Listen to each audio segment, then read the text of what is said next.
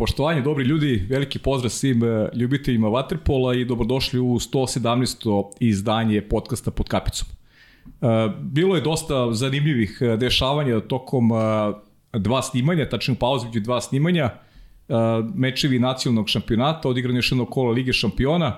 U šampionatu Srbije Novi Beograd je preuzeo lidersku poziciju od ekipe Radičko pobedom u Kragujevcu, tako da Eto, Novi Beograd je na prvom mestu i po svemu sudići jeste najozbiljniji kandidat za osvajanje šampionske titule.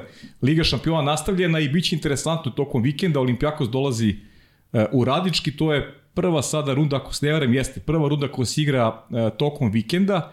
Radnički, tačno Olimpijakos dolazi u Kragovac, e, Filip Filipović i Igor Milanović su dakle u Srbiji. Eto, lepe prilike za ljubitelji Vatopola da pozdrave dva velikana i to će biti onako po našem izboru utakmica koja privlači najveće pažnje, moćete gledati naravno u direktnom prenosu na kanalima Sport kluba. A kad je u pitanju uh, ovo izdanje podcasta, e, imam jednog super zanimljivog gosta, čoveka koji dugo nije prisutan u srpskom vaterpolu, ali je zato u Nemačkoj i već neki dvadesetak i kusur godina, neko koga poznaju dobro starije generacije, a mlađe će ga verujem sada dobro upoznati i neko ko je od skora postao i selektor reprezentacije Nemačke. Nemačke koja je tamo 90. godina, mi stariji malo se sećamo, e, bila strah i trepet u Vatrpolu, bila uz reprezentaciju tadašnje Jugoslavije, možda i najbolja u Evropi, ne možda, nego jeste jedno vreme i bila definitivno i ovaj, negde Nemačka na nekoj stramputici jedan izvesni period.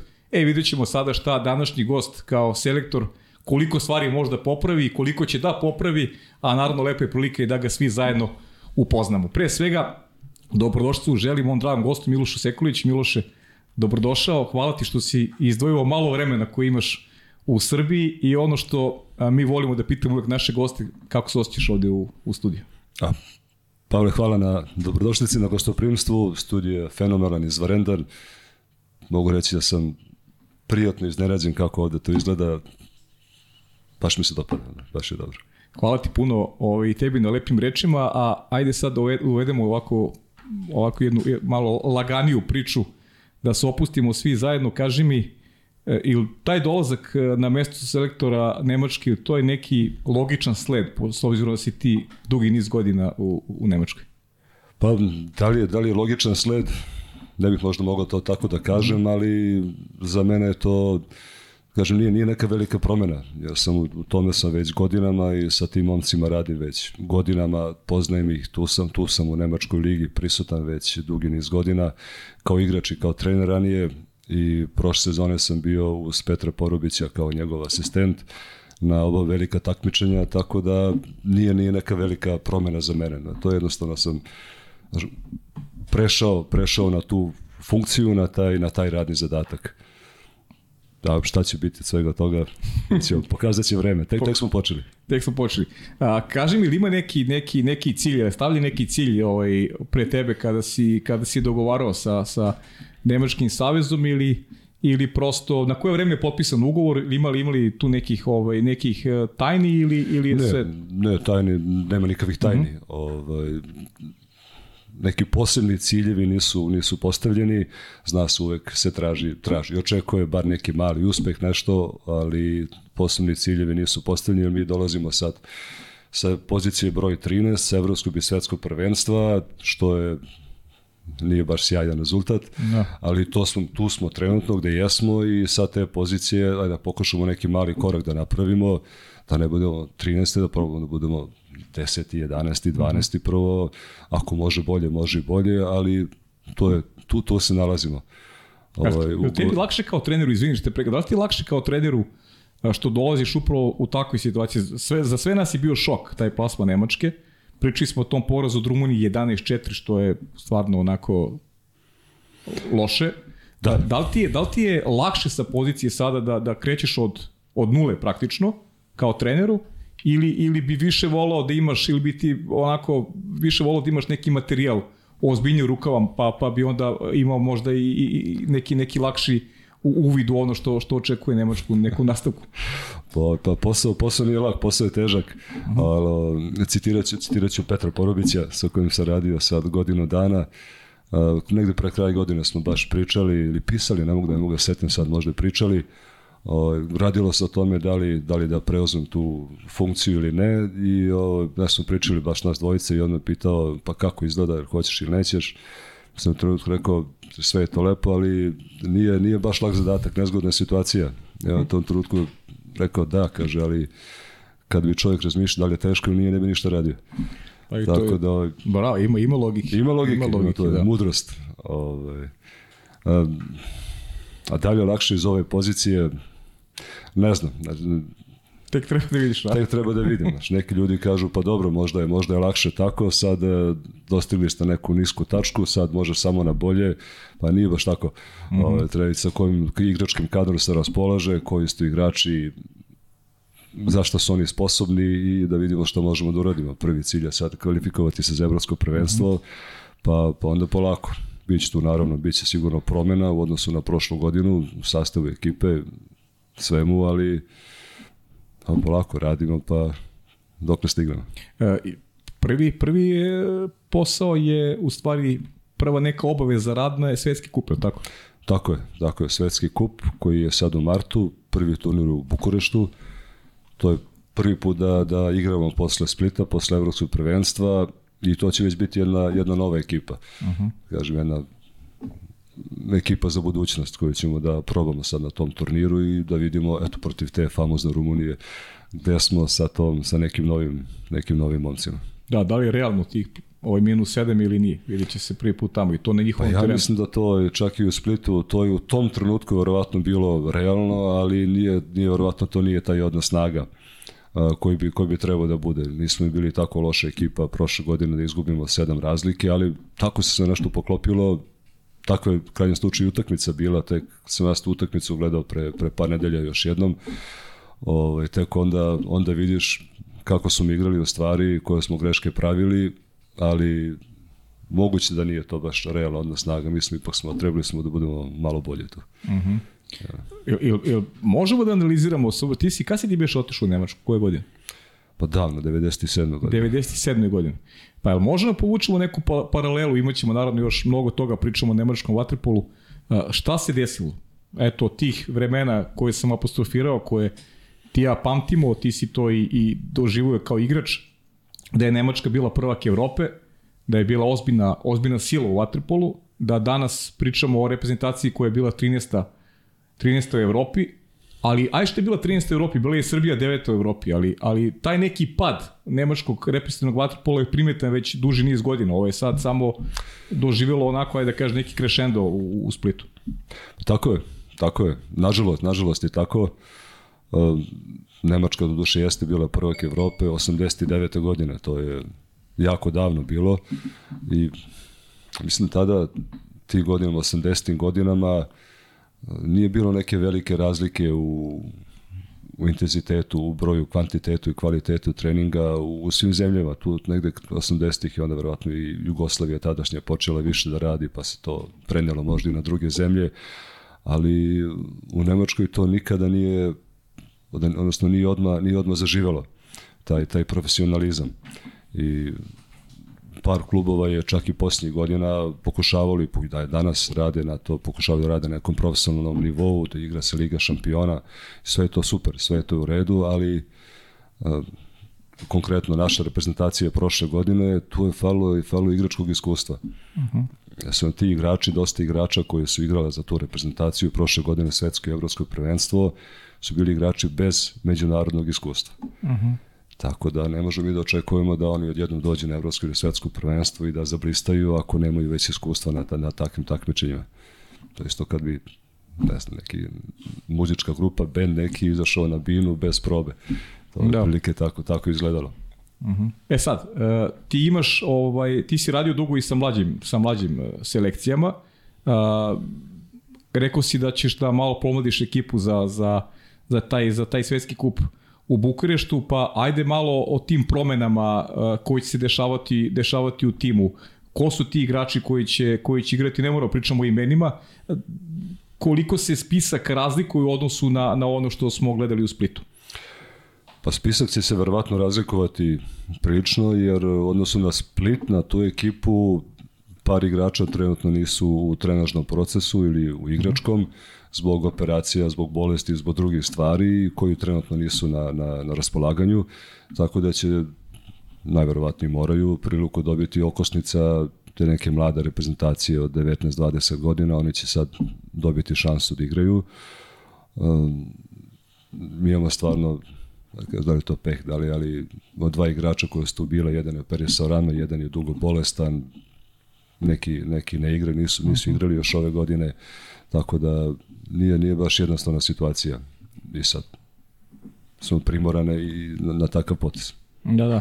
A kaži mi vezano za, za tu neku priču generalnu o, o, o nemačkom o nemačkom vaterpolu, ono što opet uh, nadovezuje se na, često to pričam uh, i gostima, Ivica Tucak je ovde dao jedno interesantno zapažanje da uh, da će vaterpolo sportu biti bolje kad te zemlje sa zapada ovaj, ozbiljnije, da kaže, počnu da igraju ili kada uh, te zemlje budu konkurentni za, da osvajaju medalje.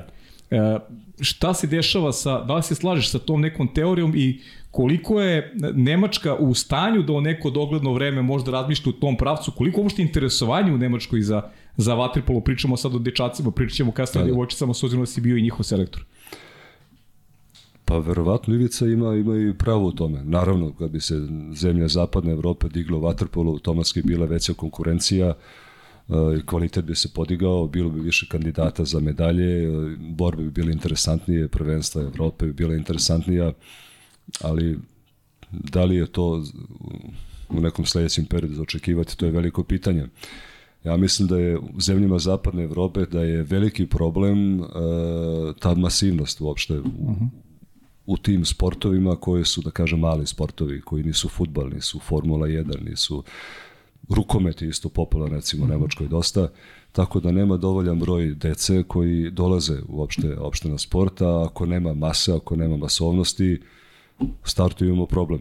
Uh. -huh. Jer postoji, kaže da bi dobio olimpijskog šampiona, da bi dobio igrača, sportistu, ne mora bude igra, sportista, da bi dobio sportistu koji je sposoban da osvoji medalju na olimpijskim, igra, na olimpijskim igrama, potrebno ti je stotinu sportista, dečaka ili devojčica. I od tih stotinu, otprilike jedan, možda bude i dva, imaju taj potencijal da osvoje, da budu prvaci, da kažem, da osvoje olimpijadu. I sad kad to pogledamo taj način, shvatimo koliki broj dece je potreban da bi neko osvojio medalju na olimpijadi. To nisam ja smislio, to je, da. to je citat iz nekih knjiga o sportskoj nauci. Uh mhm. -huh. o, ono što je, što je Miloš interesantno, opet e, kad gledamo eto i sastave Špandova, Hanovera, e, Duisburga, ma, tu prednjače igrači iz inostranstva. Tako ima. Manji, manji broj je, je Nemaca u tim ekipama i to je opet nešto što predstavlja problem nacionalnom timu, što u budućnosti možda je predstavlja i tebi problem kao, kao selektor u te zemlje. Pa sigurno, to je, to je tako i to, to nije, to se vidi, to nije tajna i to je, to je tako. Pa pre, pre nekoliko godina u Nemačkoj je doneto to pravilo da može se igra više manje su neograničenim brojem stranaca ako su iz Europske unije.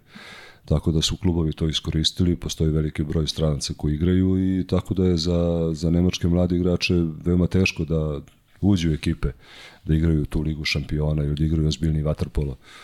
No, to jeste veliki problem. Malo pre si mi rekao da su mi prošle godine imali na tom svetskom evropskom prvenstvu veliki broj igrača koji nisu imali iskustvo. internacionalno iskustvo. Uh mhm. -huh. To je, to je tako. A, a ta, ta selekcija sada igrača koji su, ima tu igrača koji tako uzimaju nemački pasoš, pa igraju za, igraju za Nemačku, uh, il koliko oni pomažu momcima koji su rođeni tamo, koji igraju vaterpolo, koliko im pomažu to nekom njihovom ajde da kažem, razumevanju igre, jer, jer definitivno Nemačka više nije na tom nivou iz 90-ih, 80-ih kojima smo pričali. Koliko ti stranci pomažu tim momcima da oni uobliče sebe kroz, kroz uh, ajde da kaže, da postanu bolji ličnosti i da, i da vaterpolo neka, neka, neka ove iskustva uh, steknu dovoljno dobro da mogu u reprezentaciji da, da ponude odgovarajući rezultat. Ne znam, to ne, ne, ne bi znao, ne bi znao koliki je njihov uticaj, ali da li ga ima. Uh, mi smo u principu imali u poslednjih 7-8 godina dvojicu igrača naturalizovanih, uh, jednog iz Srbije, jednog iz Hrvatske, Mateo Ćuk igra još uvek. Uh, a sad koliki su oni utici imali na te neke mhm. mlade, ne bih, ne bih mogao da kažem. to mi je nepoznata informacija. Nadao se, nadao se da su imali. Nadao se da jesu. Ali to je u principu i nije, nije loša stvar. Uh, dobijen državljanstvo, naturalizovanje igrača, ako se radi strategijski, na posebnim pozicijama, tamo gde treba da je potrebno, ali to se radi strategijski sa planom, planira se trenutno osim osim Mateo Ćuka nema nema takvih igrača. -huh. Ima dosta igrača koji su uh, rođeni, rođeni u Nemačkoj, ali su porodice su došle da, da. Iz, iz drugih zemalja. Uh -huh. To je opet druga stvar, oni su oni su rođeni, rođeni tamo, tamo su, da. da. Uh -huh. Uh, ovo što, što, što je poenta, što je poenta bila mog pitanja generalno da u, u nemačkom sportu, evo sad primetno i u futbolu, primetno i nekim drugim sportovima da ima igrača koji su, koji su naturalizovani. I to je možda odgovor na pitanje ovaj, šta se promenilo odnosno na tih 90. godina kad je nemački u vaterpolu, vaterpolu bila sila. Možda manjak interesovanja za, za, za sport. Pa verovatno, verovatno je ali to je to je socijalni fenomen uopšte u celoj Evropi, u celom Tako svetu, je, pa da. ne samo u Nemačkoj da deca imaju manje interesovanja za sport, u stvari možda imaju interesovanje, ali nemaju više potrebu toliko da se bave sportom kao ranije. Ranije sport je bio način na koji će oni neke svoje emocije da izraze, da dožive taj neki i stres, i euforiju, i radost zbog pobede poraza, bio je taj sport, da se druže. Danas ne moraju, danas im je sveta na dohvat ruke online, preko TV-a, preko telefona i nemaju neku potrebu da idu sad u klubove da treniraju neki sport, sve to mogu i ovako da dožive. Mm -hmm. I tu se smanjio se, zato se smanjio broj deca koje dolaze na, dolaze na sport i postoji isto fenomen jedan da je u Nemačkoj, sa ne znam kako i ostalim ostalim zemljama, da u 16. godine je drop out je veći od 60% uh -huh. u svim manjim sportovima. Što će reći, ako imaš 10 dečaka tog i tog godišta, posle 16. godine osjećati četiri. I oni prestanu jednostavno, okreću se neke druge stvarima. Drugi stvari, da. Pa da, izbor, izbor je veliki, pogotovo znači, udeći u Nemačka, Francuska, možda slične zemlje, da deca imaju mogućnost na, imaju mogućnost na razne načine da, da ostvare sebe, da nađu neki svoj put. Tako da i taj neki put je možda lakši nego ići dva po dnevno na trening. Da, to, da. To je tako. A možda, možda i finansijski motiv? Pa sigurno. Pa sigurno. Ne samo to, možda su spremni za odricanje, ali u nekoj drugom sportu ili... Pa sigurno ne, nekoj drugoj delatnosti. Nekoj drugoj Ide delatnosti. se, studira se nešto, uči se škola, sve je to u redu. Malo je primjera koji sam čuo, a, kao recimo Tomas Fernu, to, to mi je interesantno, Igor Kvačević mi je pričao da je on momak koji je bio super talentovan i za košaku, za bilo koji sport, da mu čak sugerisano, zašto ne ideš tamo, moćeš više da zaradiš da, ne, on je hoću vaterpolo, vaterpolo volim i, i oni ostaju vaterpolo. Očigledno da tih primera da tih primera u zapadnoj Evropi ima malo kao što je kao što je on. Pa ima malo, ovaj ali bilo bi dobro kad bi, kad bi zemlje zapadne Evrope tako uspole da prepoznaju te, da ih nazovemo, nebrušene dijamante, kao recimo njega što su prepoznali, da ih prepoznaju i da ulažu u te igrače, u tu decu. Ne samo kad napune 20 godina, nego sa 14, sa 15 godina ih prepoznaju i da kažu to je to sad ćemo da uložimo njih i hoćemo da stvorimo od tih momaka, jednog, dva, njih pet, koliko god da ih ima, ćemo njih da stvorimo igrače za budućnost. To bi bila, to bi bila neka strategija. Da. E sad kaži mi, pa pričamo, ja često pričam ovde sa, sa, sa ljudima koji su svojih prostora uh, i iz uh, Hrvatske, Crne Gore, Srbije, uh, kako podići vaterpolo, vaterpolo, kako mu pomoći da, da eto, sport bude, ajde da kažem, nekako i ekonomičniji, da bude finansijski isplativiji, da li postoji ta neka baza, kako to funkcioniše eto u, u, u, u Nemačkoj, koliko realno se podigne malo svest, eto to da se prepozna neki talent i da država pomogne da neki, ne znam, da neki Aleksa Sekulić dobije dobije potporu pravu da da može sebe da izgradi kao pričamo o tvom sinu naravno to ćemo i kasnije kasnije ćemo a, doći do te teme da da ovaj koliko generalno u Nemačkoj se razlikuje sistem od, od ovdašnjih, pošto ti jako dobro poznaješ ove stvari ovde?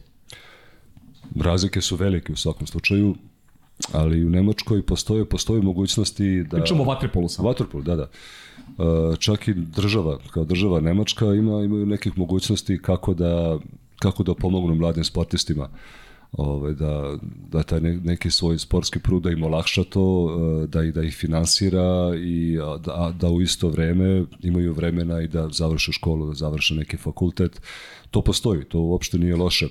Ovaj, postoji ta fondacija, to se zove sportska pomoć, tako se zove.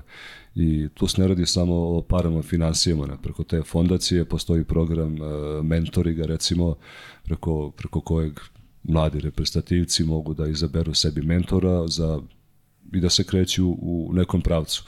Da li je to univerzitet, da li je, da li je nešto drugo, nije važno, ali opcije postoje razne, ili preko vojske, to Grci imaju sličnost, preko, preko vojske sličan taj sistem, tako da mogućnosti su tu, ali radi se o tome znači da, da ajde kažemo savez prvo, da treneri koji to rade, savezni treneri, pa i klubovi, da prepoznaju koji su, koji su to igrači i koji su igrači sa kojima Nemačka u budućnosti može da dostigne neki, neki više cilj. Momaka ima.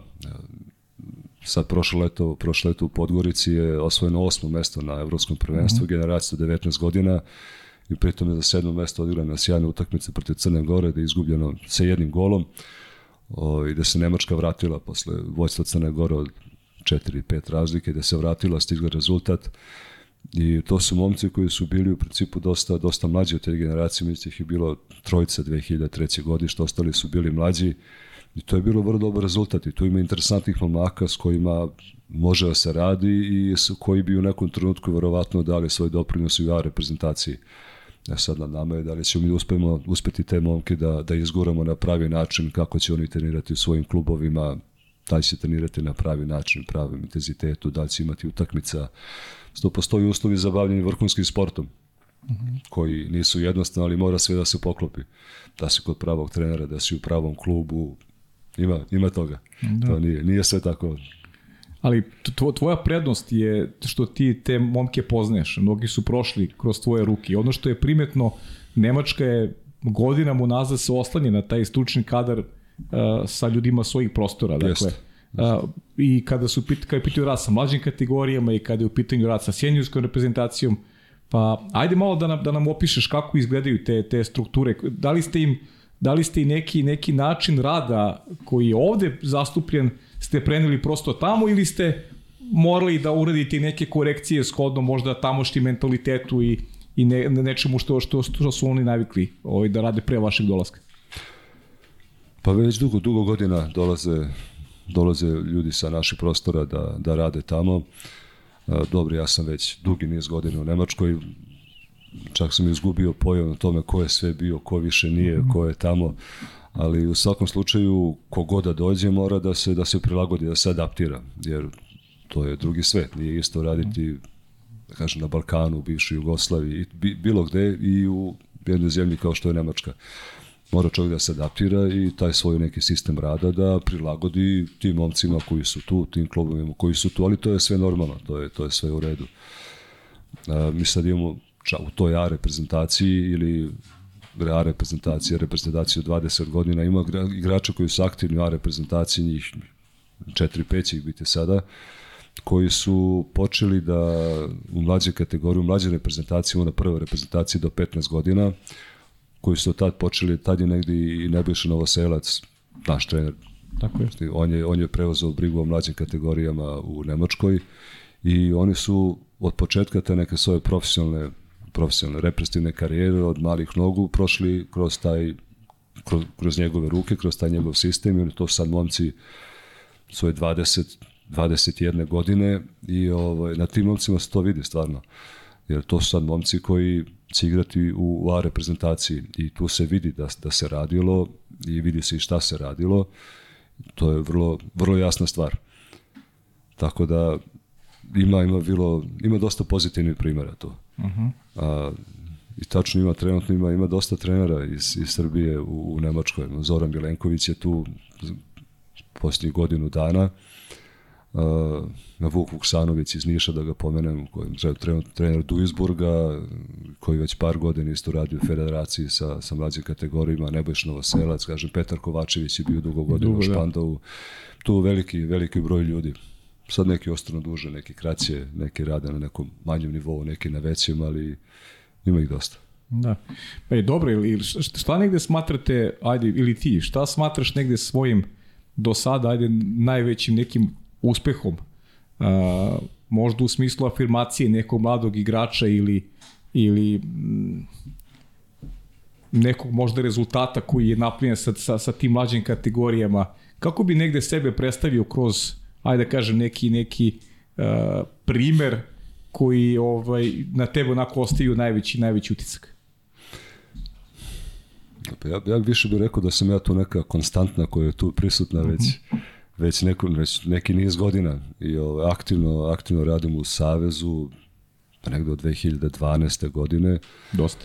Ovaj, prvo, prvo sa ženama, a posle i prvi olimpijskom komitetu kao regionalni trener zadužen za, za mlađi igrače, za mlade reprezentativce, Uh, tako da ja sam tu prisutan već već godinama. Da li je to da li su mlađe kategorije, da li sada sa sa ovim A reprezentativcima, ali tu sam negde i stvarno dosta igrača sam i trenirao ili su trenirali kod mene i mnogo igrača stvarno poznajem, nema nema nepoznanice. Tako da da kažem više više je to neki da kažem neki moj znak da sam eto tu sam prisutan sam stalno Da, neće se hvaliti, dobro, razumeo sam. Pa, razumeo sam. Ovaj, kaži mi, kaži mi, di neki turniri se organizuju često ti mlađe kategorija, uh, verujem da pokušavate da, da ti momci odmeravaju snage sa, sa najboljim tima, timovima iz Evrope pa i svojih prostora pogotovo. Je to opet neki neki model kako, kako uh, pojačati, da kažem, neki intenzitet i prosto te momke uh, negde uh, po znacima navoda naterati da, da postanu bolji kako bi mogli da se nose sa, sa, najboljima, s najboljim protivnicima iz svoje generacije? Pa ima ima dosta akcija, ali klubovi dosta to sami od sebe rade i idu na turnire po, po inostranstvu. E, dosta klubova to radi, putuju često na pripreme i u Srbiju, Hrvatsku, u Crnu Goru, Mađarsku isto dosta. To je veoma su aktivni klubovi što toga tiče sa mlađim kategorijama. A i sistem takmičenja u Nemačkoj Mogu reći da je vrlo, vrlo, vrlo je, za mlađe kategorije vrlo je dobar. Postoje uh, ti izborni turniri, za svaku generaciju imamo jedan turnir na državnom nivou, gde se igraju igraju uh, grupe zapad, sever, istok, jug, jedni protiv drugi i onda bude mala reprezentacija recimo istoka Nemačke, mala zapada, severa i juga i igraju se igraju se ti turniri i to služi kao neki izborni turnir, tu dođu, dođu selektori, dođu državni treneri, to se onda posmatra i to je vrlo, vrlo pametno smišljeno. To funkcioniše jako lepo. Uh -huh. E, ili ima igrača Miloše koji su, koji su bili u sistemu jako dobri, a za koje ti je žao da su izašli iz sistema, jer eto, prosto su uh, otišli nekim svojim putem? Pa to se uvek dešava. To je, se dešava, to je, se redovno dešava? Pa dešava, to je, to je taj drop out negde od 16. Da, godine priča, koji je da. jako veliki i tu se gubi se dosta igrača. Da, Tako to nije je. samo Nemačka, to je problem, to ima i ovde problema tih isto. Pa verovatno, verovatno. Da, zašto je to tako? Da li su socijalne prilike takve, da li je do nas u Waterpolu, to je pitanje, ali nažalost je tako. Mm. Ja, znaš što me zanimljivo, iz, kojih, iz kakvog slojeva društva dolaze uglavnom igrači u, u Nemačkoj da, da treniraju vaterpolo? Je li ima svega? Je li ima mešano ili... Pa ima svega, ali ja ne mogu da se setim da sam doživeo da, da je baš neko dolazi iz socijalno ugroženih porodica, mm -hmm. da, je, da je baš mhm. tako. To ne mogu da setim da sam baš tako da neku situaciju doživeo. Mm -hmm. Da. Mm -hmm. Uglavnom, uglavnom nije. To su više manje to su sve deca iz uh, stabilnih porodica. Uh mhm. -huh. Pa situirani, da, manje, stabilni. ali stabilnih porodica, da mhm. tako kažemo. Ali ima, ima ih, ima svega. Naravno. Ima svega. Da. E, znaš šta je interesantno, to, to smo pričali ti ja pre emisije, ovaj, e, taj spisak igrača na koji ti možda računaš, e, to mi je, to mi je strašno zanimljivo. Da, da, da. Olimpijski komitet gde vi predajete liste. Ajde pojasni malo, jer, jer ja stvarno ne umem ni da prepričam, jer baš si me zbunio, ovaj, prvi put sam čuo tako nešto, moram priznati. Pa to je interesantna situacija, da li to negde još postoji ili samo u Nemačkoj, sam ja kao trener reprezentacije sada, ja u ovom trenutku ne mogu da uh, pozovem nekog igrača u reprezentaciju koji nije stavljen na spisak krajem prošle godine. To je tako, spisak je zaključen, ima 20 igrača i to je to. I ne vredi. Može neko da igra izvarednu sezonu, da se jednostavno da se nametne, da svi kažu pa čekaj, on bi mogao da bude, stvarno bi, mogao bi da proba, mogao bi, ali ja ne mogu da ga pozovem. Ja, to je Ne stvarno mogu da ga. Da. Pa, jel može da se uredi nešto da se promeni to ili Pa prosto izgleda to je, da ne može. ne može, da, da ne može. drži se svog sistema i to je to. Ne znam. Stvarno neobična priča, baš. Da, da. Jer ti praktično sada ti možeš samo u tih 20 igrača možeš da, da, da biraš nemaš opciju da kao selektor koji možda vidi nešto drugačije od prethodnog da napraviš neku promenu jer će mora da se ukalopiš u taj spisak Tako koji je, imaš. tako je. I tako je do novembra meseca. Tako je, tako je godinu dana. Pa znam ali kako onda možda odgovaraš za, za rezultat? Pa, moraš. Ko- kosi Ne, se ne, malo, to- malo se Malo kosi, se zaista. kosi, ali tako je. Da. Ne znam, nema, nema rešenja tu. To uvek svake godine se postavljaju ta pitanja, ali za sada rešenje nije nađeno. To je tako. Pa dobro, i si makar zadovoljan sa, sa tim spiskom od tih 20 igrača. Pa dobro, to je spisak koji je napravljen Pera. pre da. mene. Napravio ga Pera, jel tako? Pa Pa da li, da li ga je on ga je verovatno pre nego što je, što je otišao, to je taj spisak koji je postojao i posle njegovog odlaska taj spisak je samo od prošle godine preuzet, ja mislim, bez promena i on je ostao takav, ali u tom trenutku nismo imali trenera, ni nije, nije imao ko da se bavi sa tim i to se nastavilo tako, tako da je, to je taj spisak. evo. Je, jel, pitat ću ti još nešto, meni je zanimljivo sad ti ako, možda, da, ako hoćeš da ulaziš u tu temu, možemo, ako ne, razumeću što nećeš. Ovaj, Nemačka ima dva predstavnika u Ligi šampiona. I to je stvarno, to je stvarno ozbiljan benefit. Dva kluba, dva kluba ima i Srbija, Hrvatska ima isto dva kluba. Uh, dakle, Nemačka je u, u rangu sa zemljama koje su najbolje na svetu i ima dva kluba Lige šampiona. Da li misliš da je ovaj period, evo do sada, koliko igraju Hanover i Špandovu, da li je dobro iskorišćen za, za neki benefit nemačkog vaterpola? Pa evo bili smo 13. Znači, dobro, dao si mi Znači, odgovor. verovatno bi to moglo mnogo bolje da se iskoristi.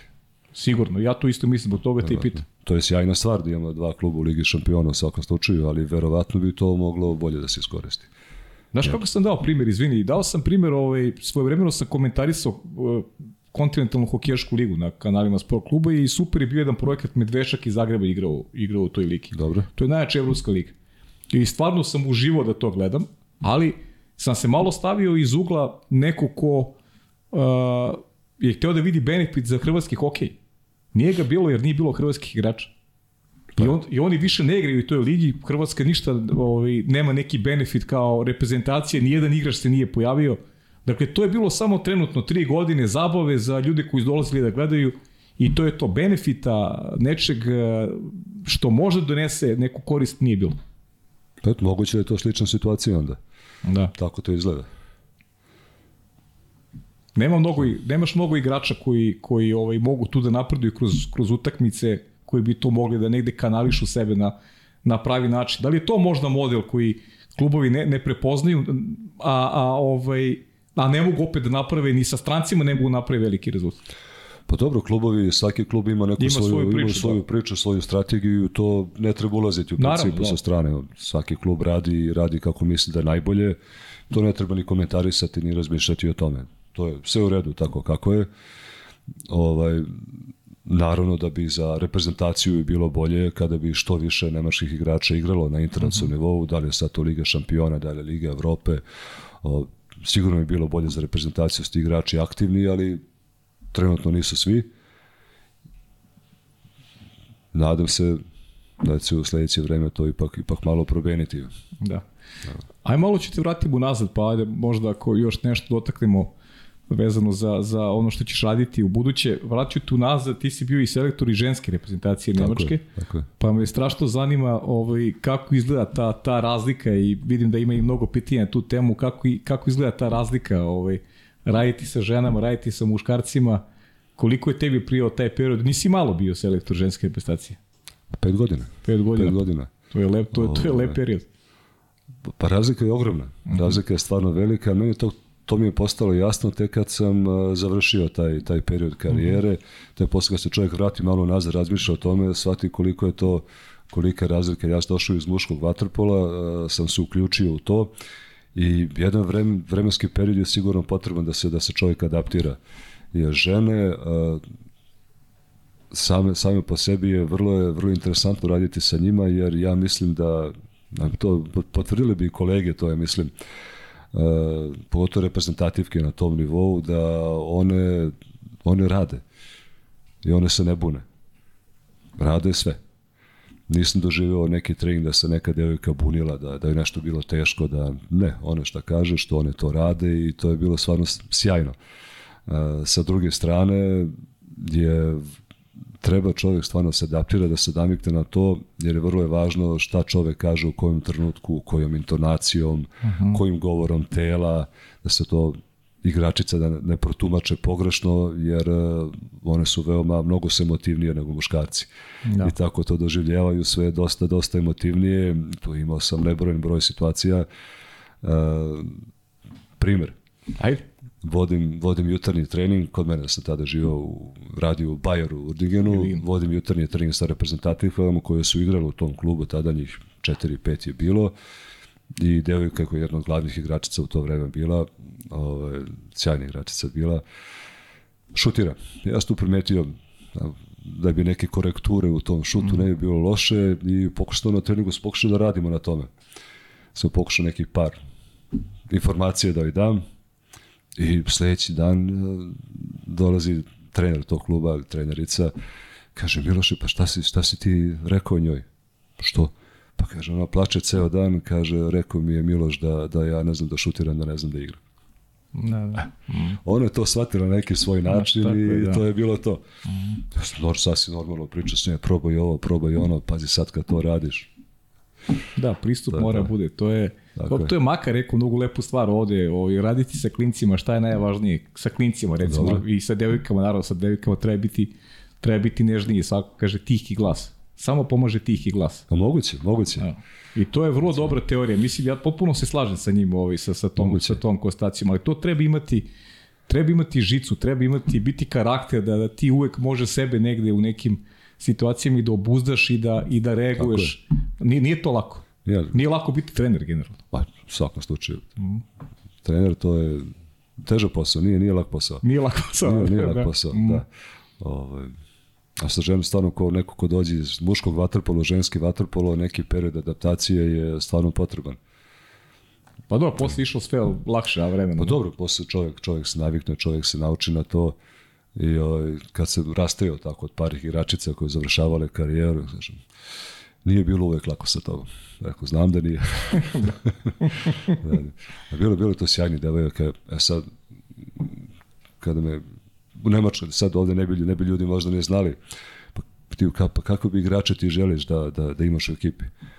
Pa ja kažem, meni samo treba mi da imam 13 puta, a navešću sad ime, igračica zvala se, zove se, da ne igra više, Anja Zajfer, treba mi 13 takvih igračica i to je to. Uh -huh. To je bila igračica koja je mene ostavila najveći utisak od svih devojka, student medicine koji nije propustio ni jedan trening, medicinu je završila u roku, ni jedan trening, ni jedno takmičenje nije propustili jutarnji trening u šest popodne, neverovatno nešto. Tolika posvećenost u igri kao bull terrier, neverovatno. Neverovatno. Ona nije bila najveći talent za vaterpolo. Ja sam posle moje prve pripreme sa tom ekipom, ženskom, ja sam ono rekao, ova mala igra u prvi sedam. I on igrala u prvi sedam, dokle god sam ja bio trener to je, to je nešto što, što trener traži. Znači, jednostavno ta posvećenost, taj, taj sklop metalni u glavi, mm. to je to, ta fokusiranost, vrhunski. A čekaj, ili si u kontaktu završila medicinski fakultet? Jeste, radi, radi. Svako i čast. Pa, evo, evo, super priča devojke, nada se da devojke, da, da, da nas i devojke ovi, gledaju Pa, I ovaj, da je stari igrači poruka. se znaju tu devojku sigurno Naravno, igrali. Starije znaju 2016. ovde igralo u Beogradu evropsko prvenstvo. Uh mhm. -huh. ovaj, ali to je nešto što da, kad čovjek ima šest takvih sedam igrača i od četiri, pet kreativnih, to je medalja je sigurno. Uh mhm. -huh. Evo to. Jesi imao neke još ovaj, lepe, lepe trenutke s tim devojkama? Devojke su onako ono, nežna bića, znaju i da iznenade, su, ste imali ovaj, neko, neko, neko lepo poštovanje, neki, Pamtiš li još neke, neki detalje? A vraćamo se na Evropsko prvenstvo u Beogradu obavezno. Pa ne, ne znam, ne bih mogao sad da setim, da ali bilo je, bilo, je, bilo je dobro u svakom slučaju. Mm -hmm. bilo, je, bilo je to jedno, jedno fino iskustvo i nemam, nemam nikakva negativna sećanja na, mm -hmm. na to. Stvarno je bilo dobro i u tom trenutku sam imao i veliku podršku Saveza. Ovaj, mogao sam da mogao sam to da vodim kako sam teo. Nisam imao nikakvih mešanja sa strane, podrška je bila kompletna. Uh, Ovaj, tako da sam ja u stvari baš sam to radio kako sam, kako sam tebi, kako sam zamišljao i mislim da smo u to vreme u stvari u to vreme sam ja bio najtroferniji trener u Nemačkoj. Da. Tako su bili rezultati ostalih i muških kategorija, da sam ja sa osmim mestom u Beogradu u Sadrovskom prvenstvu je bio najuspešniji trener. Mm -hmm. Ja smo imali smo za žensku ekipu Nemačke je sedmo mesto na evropskom prvenstvu bio maksimalno mogući rezultat. Ima šest ekipa koje ne mogu da se pobede, ne mogu da se pobede, znači kad si sedmi, to je to, ti si ostvario maksimalni rezultat. Da. I kao da će svoju srebrnu medalju stvari. prilike, da. da. Tako da su mi u tom periodu imali smo tri sedma mesta sa juniorskih evropskih prvenstava, ovaj, sa evropskog prvenstva osmo mesto, za seniorke, to, to je bilo sasvim solidno. Više od toga je jako, jako teško. Nerealno. Nije, nije, bilo, nije bilo realno, ali to je bilo potpuno u redu. Uh -huh. Vanja, daj nam prvo video pitanje, pa ćemo malo još da pričamo o Beogradu. Puno pozdrava za sve u studiju. Pitanje za Miloša, s obzirom da je dugo u Nemačkoj i da je živio mnogo gradova, e, da nam kaže gde mu je bilo najlepše za život i ako može da nam objasni zbog čega. Da, Marin. Pozdrav Marinu Restoviću, hvala puno. O, dobro pitanje, interesantno pitanje. Da. Marina ga svaki dan. Da. Mogu da kažem.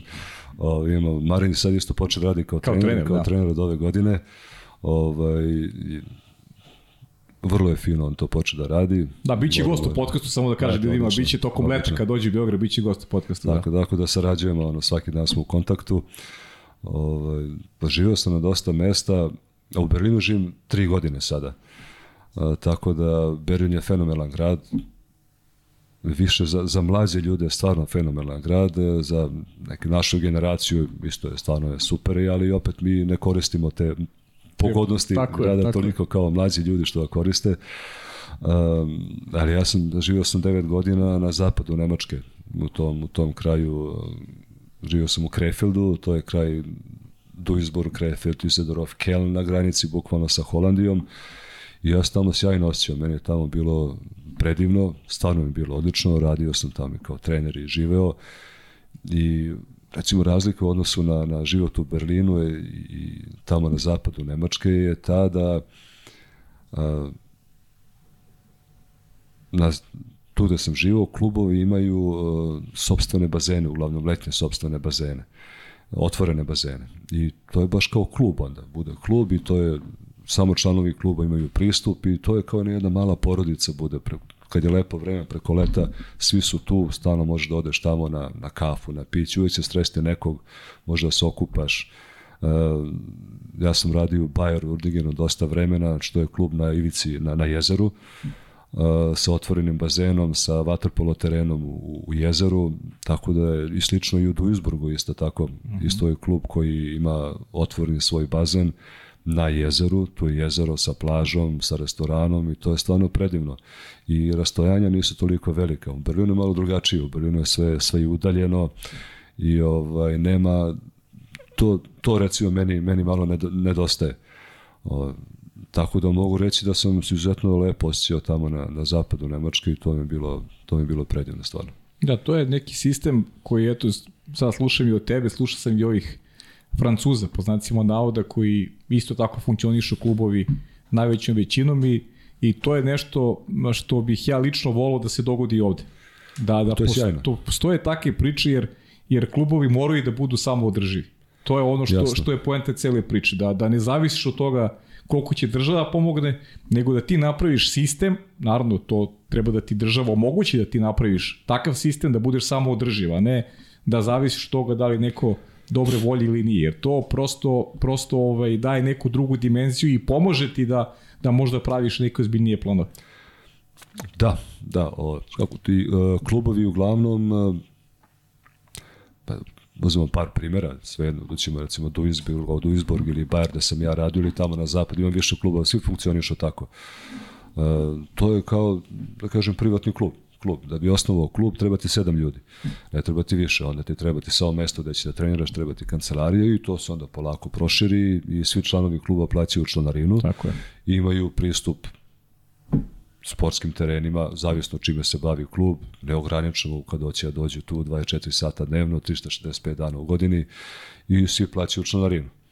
I ta članarina verovatno ide u u jednu kasu i naravno da bi se bavio sad, da bi igrao neku prvu ligu u nekom sportu, opet ti treba i neki mali sponsor za to. Tako je, pa dobro. Ali, ovaj, ali to funkcioniše, funkcioniše jako lepo. Meni se to, meni se to izuzetno dopada. Jeste. Recimo Bayer gde sam ja radio dugo godina, to je klub koji ima skoro 10.000 članova, što nije malo. Te je malo, to je, to je, pa možda ti, članovi ti izguraju sezonu. Maltene. I od tih 10.000 članova nisu svi aktivni. Znači neki no. dolaze, neki, neki ne dolaze. Ne dolaze. Tako je. Ali na taj neki način i pomažu klubu. A pritom pa jest, imaju jest. negde, imaju priliku da se rekreiraju. Pa ja plaćam rekreaciju, stalno negde plaćam rekreaciju, pa što ne bi platio negde da ima vaterpolo klub gde mogu da platiti rekreaciju i pomogne tako klub. Zar to nije, zar to nije logičan ovaj, logičan ovaj proces? Dobro, to uglavnom nisu nisu samo vaterpolo klubovi, to se bude plivački klub. Plivački vaterpolo, sve jedno, sve ne pričamo o vaterpolu sada pa. I uglavnom svi ti klubovi imaju svoju ekipu. Sad da li te ekipa igra prvu ligu na nekom višem nivou ili igraju prvu B ili drugu ligu, sve jedno, ali postoji neka ekipa, postoji neki, neki taj pogon, sa, radi se sa tom decom, sa devojčicama, s dečacima i to je, to je sve jako, jako lepo. Pa da, ali 10.000 članova, Miloše, priznaćeš 10.000 članova, to može ti plati trenere, može da ti završi dobar deo finansijske konstrukcije za, može za jednu godinu ima tačno se zna koliki je budžet za, za vaterpolo ekipu, koliki je budžet za, za plivanje, koliki je budžet za taj amaterski sport i to se tačno zna i na osnovu toga se isto određuje ekipa, biraju se igrači ko paše, ko ne paše, koji su ciljevi, mm.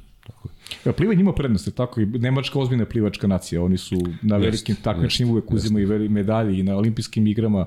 Preposledno da plivanje ima tu, ima tu prednost. Ima, ima svakom slučaju, ali po, posljednji, posljednji par godina nisu baš, nisu baš ni plivači proslavili. Da, da. Ali dobro, to je, to, to je vjerojatno i normalno tako, to je.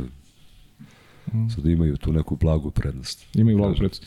E, nisam zaboravio Beogradu. Ovaj, e, ti si u Beogradu u 2016. godine E, vodio reprezentaciju, žensku reprezentaciju Nemačke i eto kako to sudbina zda da namesti ovaj često igrao si protiv, protiv Srbije u Tako je, prvo kolo, prvo, prvo kolo i dobro su bile popunjene tribine ako si ja, ako si ja jeste, dobro sećam. Jeste, bilo je, bilo, je, bilo je baš sjajno. Bilo je dosta ljudi na tribinama.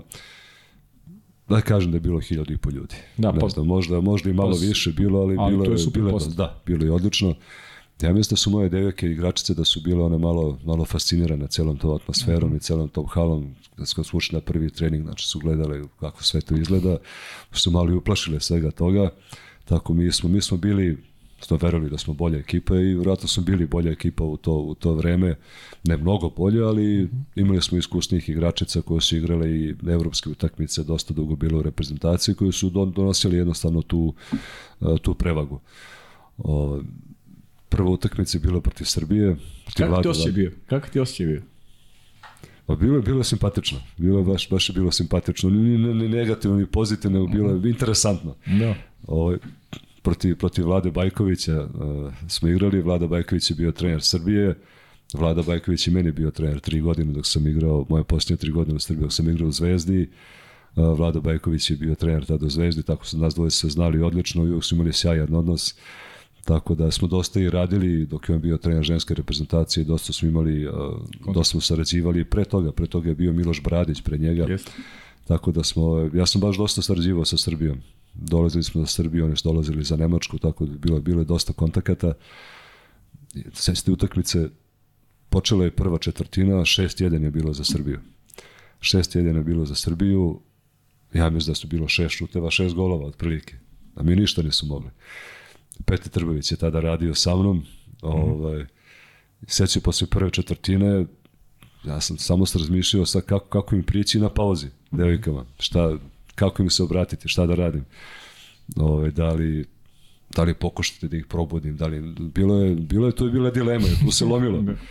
Da. I onda sam uh, se odlučio u tom trenutku, vratno nesvesno, na to što je Maka rekao, priđi tihim glasom. Uh mhm. -huh. I onda uopšte sam bez ikakve ljutnje, sve par stvari smo samo, evo, nema nikakvih problema, tako počelo, sad ćemo to, i onda je krenula sve, go po go, go po go, stigli smo, da su tu Srbiju uplašila pobede, da li kako, šta je bilo, ne znam, ali mislim imali su kvalitet da pobedimo tu utakmicu na kraju. Da. To je nama bilo odlučujući utakmica. Mi smo u principu spremali za tu utakmicu i za utakmicu za sedmo mesto protiv Francuske. A to, to je u stvari bilo za četvrt finale, tako? To je bilo za četvrt finale. Tako je. Mm. Znači, to je, to je bilo to. Ostalo je sve bilo jasno šta će se dešavati i mi smo od cele pripreme su bio najkraći priprem ikad, mislim da smo imali 8 dana priprema sve zajedno za to evropsko prvenstvo i spremali smo se devojke to nisu znali, to niko ne zna, su Petar i ja samo, niko to nije znao, ali spremili samo za tu utakmicu protiv Francuske, da Francuski nije iznenadimo u utakmici za sedmo mesto, ne u grupi. O, čak i jedna devojka, jedna igračica je pošla na evropsko više manje i iz tog rauna je tu bilo na kratske, ali cijeli pošla iz razloga da bi održala tu utakmicu. I Na kraju sve je počelo dobro, čak i 4-1 poveli tu utakmicu za sedmo mesto, ali Francuska je bila dosta bolja, nije se mogli da izdržimo, mm -hmm. ali kažem taj ceo, ceo taj plan se otvorio se u jednom da, da, trenutku. Mm -hmm. Otvorio se, mi smo čak smo igrali smo s igračicama na, na mestima na koji one ne igraju, to je sve bilo mm. sve je bilo planirano u toj utakmici. Da, dobro je bio, to je stvarno bio nezaboran ambijent i verujem da su devojke bili oduševljeni i tim muškim turnirom, ono, ja ne znam kad je bila taka posjeta na, na nekim Jest, kako ne, kako baš je bilo, kako ne. baš je bilo lepo. Pa eto, 2026. je prilika da se, ovaj, tako je. da se ponovo družimo, ali nadam se da će biti Nemačka na tom turniru sa tobom kao selektor. Pa valjda će biti. Valjda će biti, pa red, te... red, red bi bio. Red to, bi bio. To, to je bilo sjajno. Da.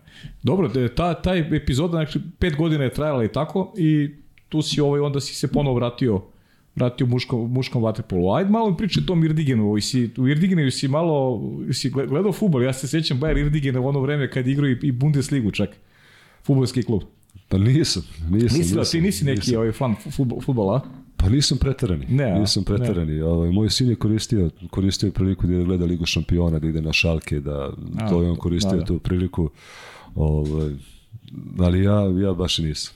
Ja. Nisam, nisam neki, neki fan do duše, išao sam dok je, dok je Petar Trgović, dok je radio sa mnom, pa smo onda išli da, išli smo da gledamo uh, Bayern München, dok je Manuel Estiarte i Pep Guardiola dok su Aha, radili tamo. Da, da. E, pošto je Petar sa Manuelom je, oni su dobri, igrali su zajedno, dobri su prijatelji, tako da smo koristili te prilike da odemo da gledamo te utakmice. Da, to, je, to je bilo interesantno.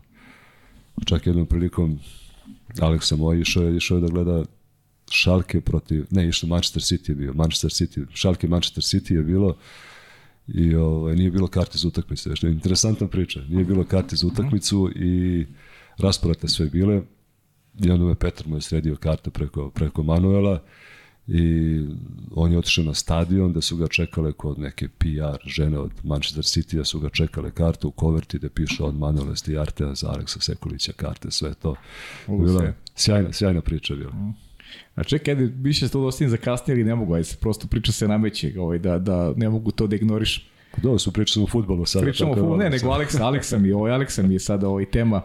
Aleksa je, Aleksa je rođen u Nemačkoj, Aleksa je, Aleksa je igrao već za reprezentaciju Nemačke, ovaj, Hoće idu malo popusta sada kod tate, kod tate selektora ili... kako jako nezgodno, nezgodna situacija nezgodna, za njega. Nezgodna situacija za njega. On se možda najmanje radovo što je tata postao. Pa verovatno, moguće, moguće. Ovaj, ne, dobar, dobar je on, sve, sve je to okej, okay, on je u principu je, nikad nisam ja planirao da planirao da planira što, ali ja stavio njega da dam da igra, da igra, da se bavi rukometom. Aha. Ovaj rukomet su tada smo živeli kad sam rodio, dok je bio mali, živeli su u Magdeburgu i Magdeburg oh, imao da. sjajnu rukometnu školu, profesionalni klub, ali njihova rukometna škola je vrhunska. O, tako da je bio neka moja želja da, da ide tamo da, da igra rukomet, ali su onda preselili za, za Krefeld i tamo nije bilo neke druge prilike. Onda je počeo non stop išao na bazen sa mnom i u nekom trenutku je skočio da igra neku utakmicu. I skočio, ja sam se on bacio, rekao mi igra sad utakmicu tu i njemu se to dopalo onda i onda je ostao. Ispostavilo se da, da razume to, da, da, mm -hmm. da može. I onda nastavio tu da trenira da igra, prošao je sve te represivne kategorije, bio je prošle godine u Podgorici, igrao je kao kapitan reprezentacije mhm. -huh. svoje godište. Ovaj, što je za njega bilo posebno interesantno, jer moja porodica dolazi iz Podgorice. Iz Podgorice, Tako je, ovaj, Sočeve strane, tako da on imao tu domaću premijeru tamo, tako da baš, baš mu bilo interesantno. To. Pa i kako se, pa s- slažu se neki kockice, pričamo kasnije o tebi, daš, mnogo ima tih nekih poklapanja, Da. kako namesti sudbina. Tako da, eto, on u nekom trenutku posle 2019. godine je se preselio za Berlin, potpisao dok je Petar Kovačević bio trener tamo, prešao je za Špandovu, ovaj, ali je ispostavilo se sada pre krajem januara je prešao da igra do, do kraja do kraja prvenstva je igraće za Duisburg jer eto nema nema mesta ovaj za Da, da, okej. za mlade igrače Nema u, mesta- u da, Špandovu. Da, u Špandovu, da. Pa to je, sad ona tema koju smo pričali. Tako je to. Klubovi imaju pravo na imaju pravo na svoj izbor, ali nije to sad priča tako zbog. Alekse, nego ja kažem i, i generalno kad tako neka zemlja dobije priliku da igra neka neka ovaj lepa takmičenja, mislim da može bolje da ih iskoristi, ali opet to je sad stvar izbora naravno. Svako ima pravo da Pa se jasno, kreira. ali ja sve to razumem. Sad, ja Isto, uopšte pa nikad, ja, kažem, klubovi, one rade kako misle da treba da rade, Tako je. sad igrač, svaki igrač sam po sebi mora da se, da se prilagodi tome. On je sad ono tu odluku, ovaj, da hoće jednostavno, sad je prešao u Duisburg, igraće do kraja imaće treba, pobedili su Vaspo u prvenstvu već, Da, ovaj, igraju sa Špandovom, protiv Špandova su igrali sad u kupu i u jedne situacije gde jednostavno ti ne možeš da odnosno igraš kad se neko razboli ili kad se povredi, sad jednom igraš, igraš celu utakmicu, što je za mladi igrače najvažnije. Ovaj, tamo Vuk Vuksanović je tamo trener koji on se trudi tamo, on je veoma ambiciozan, mislim da on to, da on to vrlo dobro radi tamo, tako da je to skroz u redu. Završit će sezonu tamo, pa posle nek, Potom, nek, potom. razmisle, nek razmisle šta će dalje. On Ima, već- ima svoju karijeru. Pa da. Ti ćeš da razmišljaš o reprezentaciji, da li Tako treba ili ne treba, on nek razmišlja o svojoj Ne, karijeri. ne, nek, posle nek, nek vide, može smeti ići da ostaje tamo, sve je to okej, ili neki drugi klub. Mada mislim da bi on, on bi čak i volao verovatno da, da igra u inostranstvu negde bar godinu, dve, tri. ovaj, ali mislim to je, Njegov, ne znam. ko zna, možda, možda i u Srbiji. Pa, ko ne zna. ne Da. stvarno to je, o tom potom. Potom, potom. Miloš, ajde sad ću ti vrati malo na, na, na prošlost, malo da te, da te predstavimo. Ovaj, Biće još malo priča o Nemačkoj do kraja, ali ajde da se vratimo unazad. Ovaj, ti si Beograđanin, Tako je. Ti si Beograđanin, počeo si da igraš ovaj vaterpolo iz, onako iz krajeva si gde je bilo mnogo vaterpolista, pa eto dajem ti reč da te ja ne predstavljam, predstavi se sam. Da, ja sam Beograđanin, tada početku bavljenja vaterpolom sa Miljakovca dolazim, interesantno da je to je škola Ivo Andrić koja je dala par vaterpolista, najpoznatiji među njima su Dejan Savjec i Dači Kodinović. Ja sam tu relativno, o, relativno samo poznat, možda više sad kao trener, kao igrač ne toliko, ali mi smo išli isto osnovnu školu.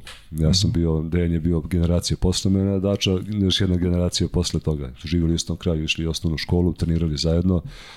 Ovaj, I mnogo, mnogo igrača Partizana je bilo ne kažem ne samo Semiljakovac, nego potez posle dalje Rakovica, Vidikovac. Ta, ta priča, čuje, ta lepa priča, Da, da. 59 Pa da, početka 90-ih, početkom 90-ih, ovaj, ta generacija, ta prvi tim Partizana gde sam ja tad trenirao i igrao, dešavalo se da znači krene, krene 59-ka gore sa Labodovog brda da je krene i tu će Predar Mihajlović, pa posle uđu Žare Petrović i dva, dva brata Udovičića, Dejan i Darko, posle ona kad skrene dole za, za Rakovicu, Zoran Pantelić i Nenad Vidojević, i onda posle uđemo nas trojica na Kanarovom brdu, Dejan Dači i ja i to polako se stigne ovaj, do, do banjice sa 10 igrača prvog tima.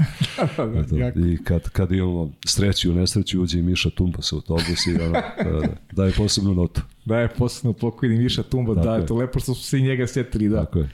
Legenda Miša. A, kako, ko, ko su bili treneri? Ka, kako vaterpolo? Je to bi negde bilo, eto, taj kraj, možda to društvo, Deki, Dača? Ne, ne. Pa otac me, otac me poveo da gledam vaterpolo. Zanimljivo je, moja prva vaterpolo utakmica koju sam gledao u životu, prva je bila uh, Partizan protiv Špandova. To je moglo da bude 84. ili 5. godina, ne mogu da se setim. Znam da je bilo 5-5 i znam da je tada Petar Röle je branio, koji Petar Röle koji je sad uh, trener golmana kod mene. ovaj, s kojim sarađujem svaki dan, sjajan čovjek, inače, uh -huh. ovaj, to je znači bila poja prva utakmica koju sam gledao, koju sam gledao u životu i onda sam, sjećam se da je bilo da je Špando vodio 5-1, 5-2, da je posle bilo 5-5, ali nije bilo dovoljno, tad se igralo na go razliku i to je bilo polufinale, mislim, Lige šampiona. Ne, Špando je prošao? Polufinale, kako se zvalo? Kupa šampiona. Kupa šampiona, Kupa tako, šampiona. i Špando je prošao dalje, da. Ovaj, to je bila prva utakmica i onda me je stvarno jako dopalo to i posle sam došao na, na banjicu, doveo me otac i prvi trener koliko sam skočio ovde bio je Petar Popović. Mm -hmm. u stvari cijela moja generacija verovatno je tada počela tu da trenira kod Pere, ovaj, sve mali bazen i 50 metara i, i plivaj. Ore, to je bilo to, da. Neko vreme igralo se, znači tu se pliva, pa se iza gola, kad ima streću iza gola se malo igra. O, znači u nekom trenutku, a, koliko sam mogu da imam godina, nekih 13 godina, možda tako nešto. To je bilo drugačije, su bili predpioniri, pioniri, kadeti, juniori, tako se zvalo to sad. I tad su u Partizanu bili, Vata Orlić je bio, bio Dulan Tunović, isto kao trener prvog tima, Nena Manojlović je vodio te najstarije mlađe generacije, ko je što bio dalje, tu Nikola Stamenić isto tu još bio i sad se jednog dana su došli, mislim da je bio Bata Orlić, bio je Dulan Tunović, čini me da je bio Nikola Stamenić, Nena Manojlović, da li je bio još neko od njih, ali, stručni savet i pokupilo nas par dečaka, ti su bili predpioniri možda, na troj četvoricu.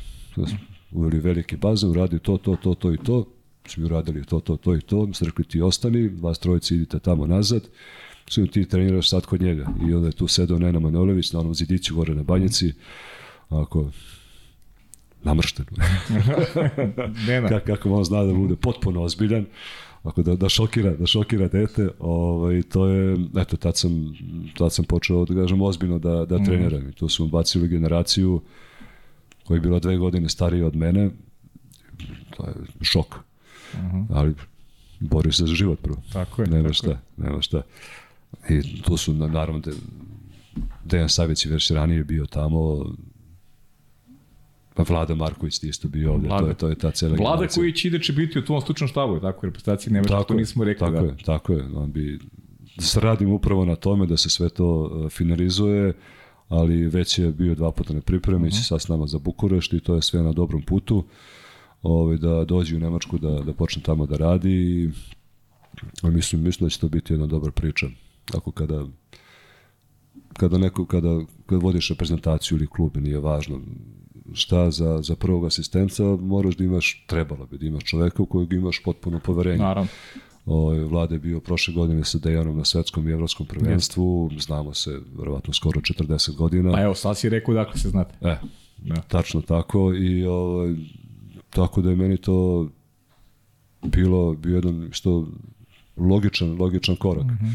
Dakle, sad i stručni štab reprezentacije ovde se potpuno promenio, ispolo da je slobodan, a kad je, ako je radio za repre, u reprezentaciji Srbije, ko sam ja da kažem da ne može da radi za nas. Ne, ti sam još taj tako benefit od, od tog poznanstva pa, koji imate ovo već e, toliki niz godina. Tako da biće, biće to sve dobro. Ja sam, na putu smo da finalizujemo sve to, mislim da će, da će biti dobro. A dobro, i on poznaje trenera Golmana, tako da Tako je, da, tako je. On igrao, igrao je protiv Petra Velović. Tako igrao je protiv njega, da. Jeste, dao mu je go kroz glavu. Dao mu je go, kroz glavu, dobro.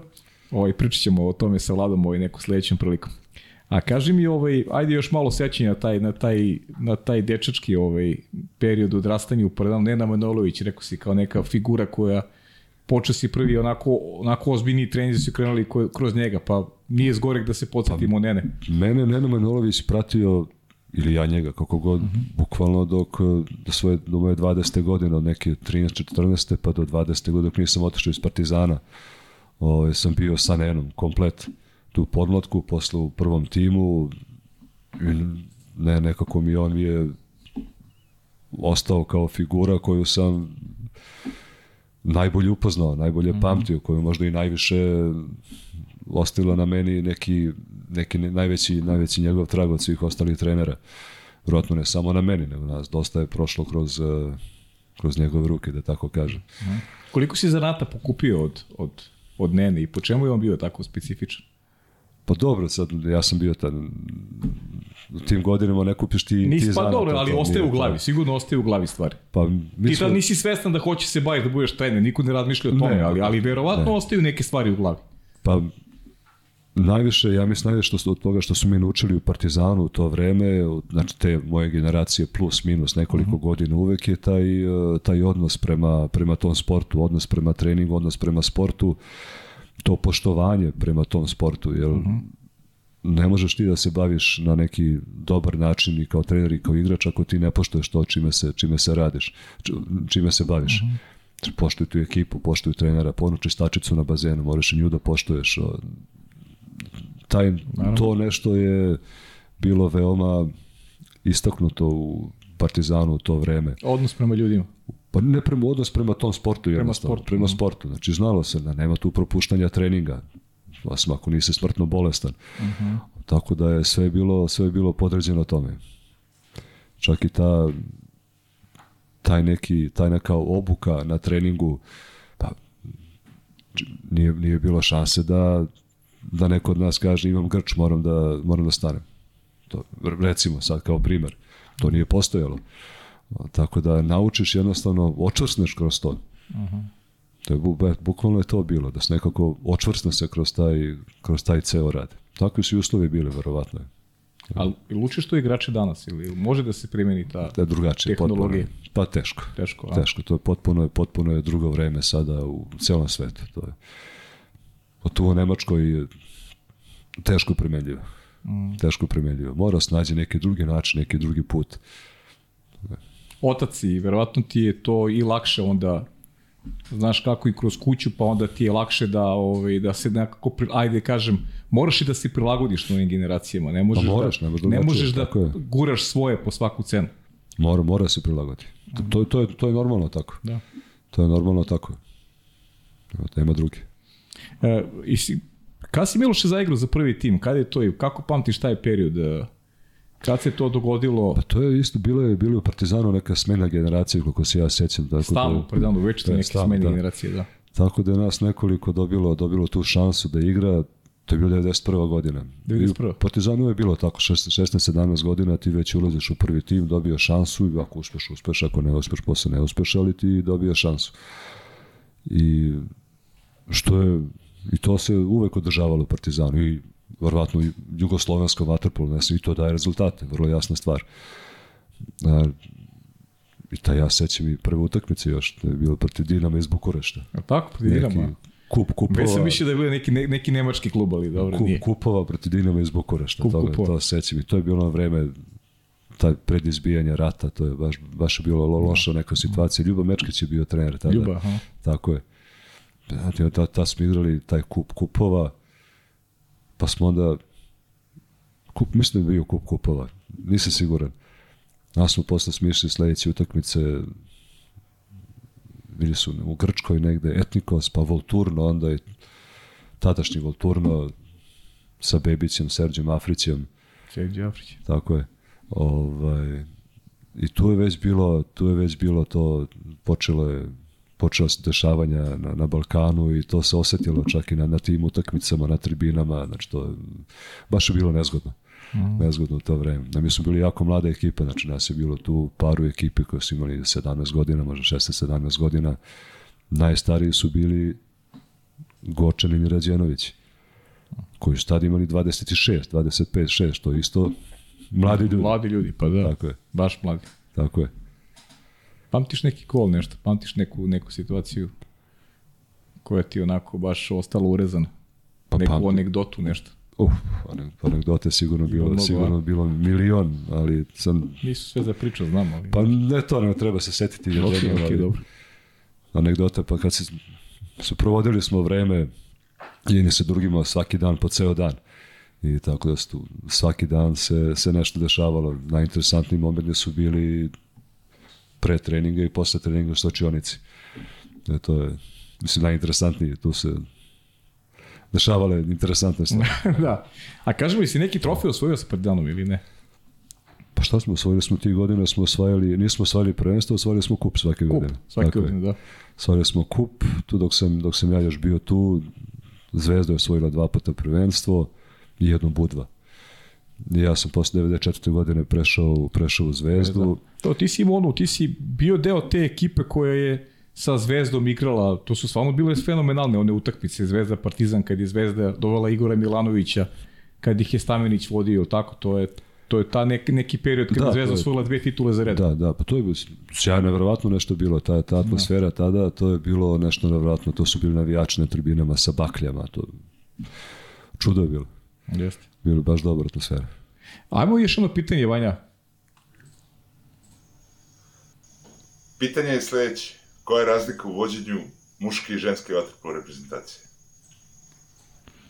Evo ti ga pomoćnik. A si vidio kako stoji mirno?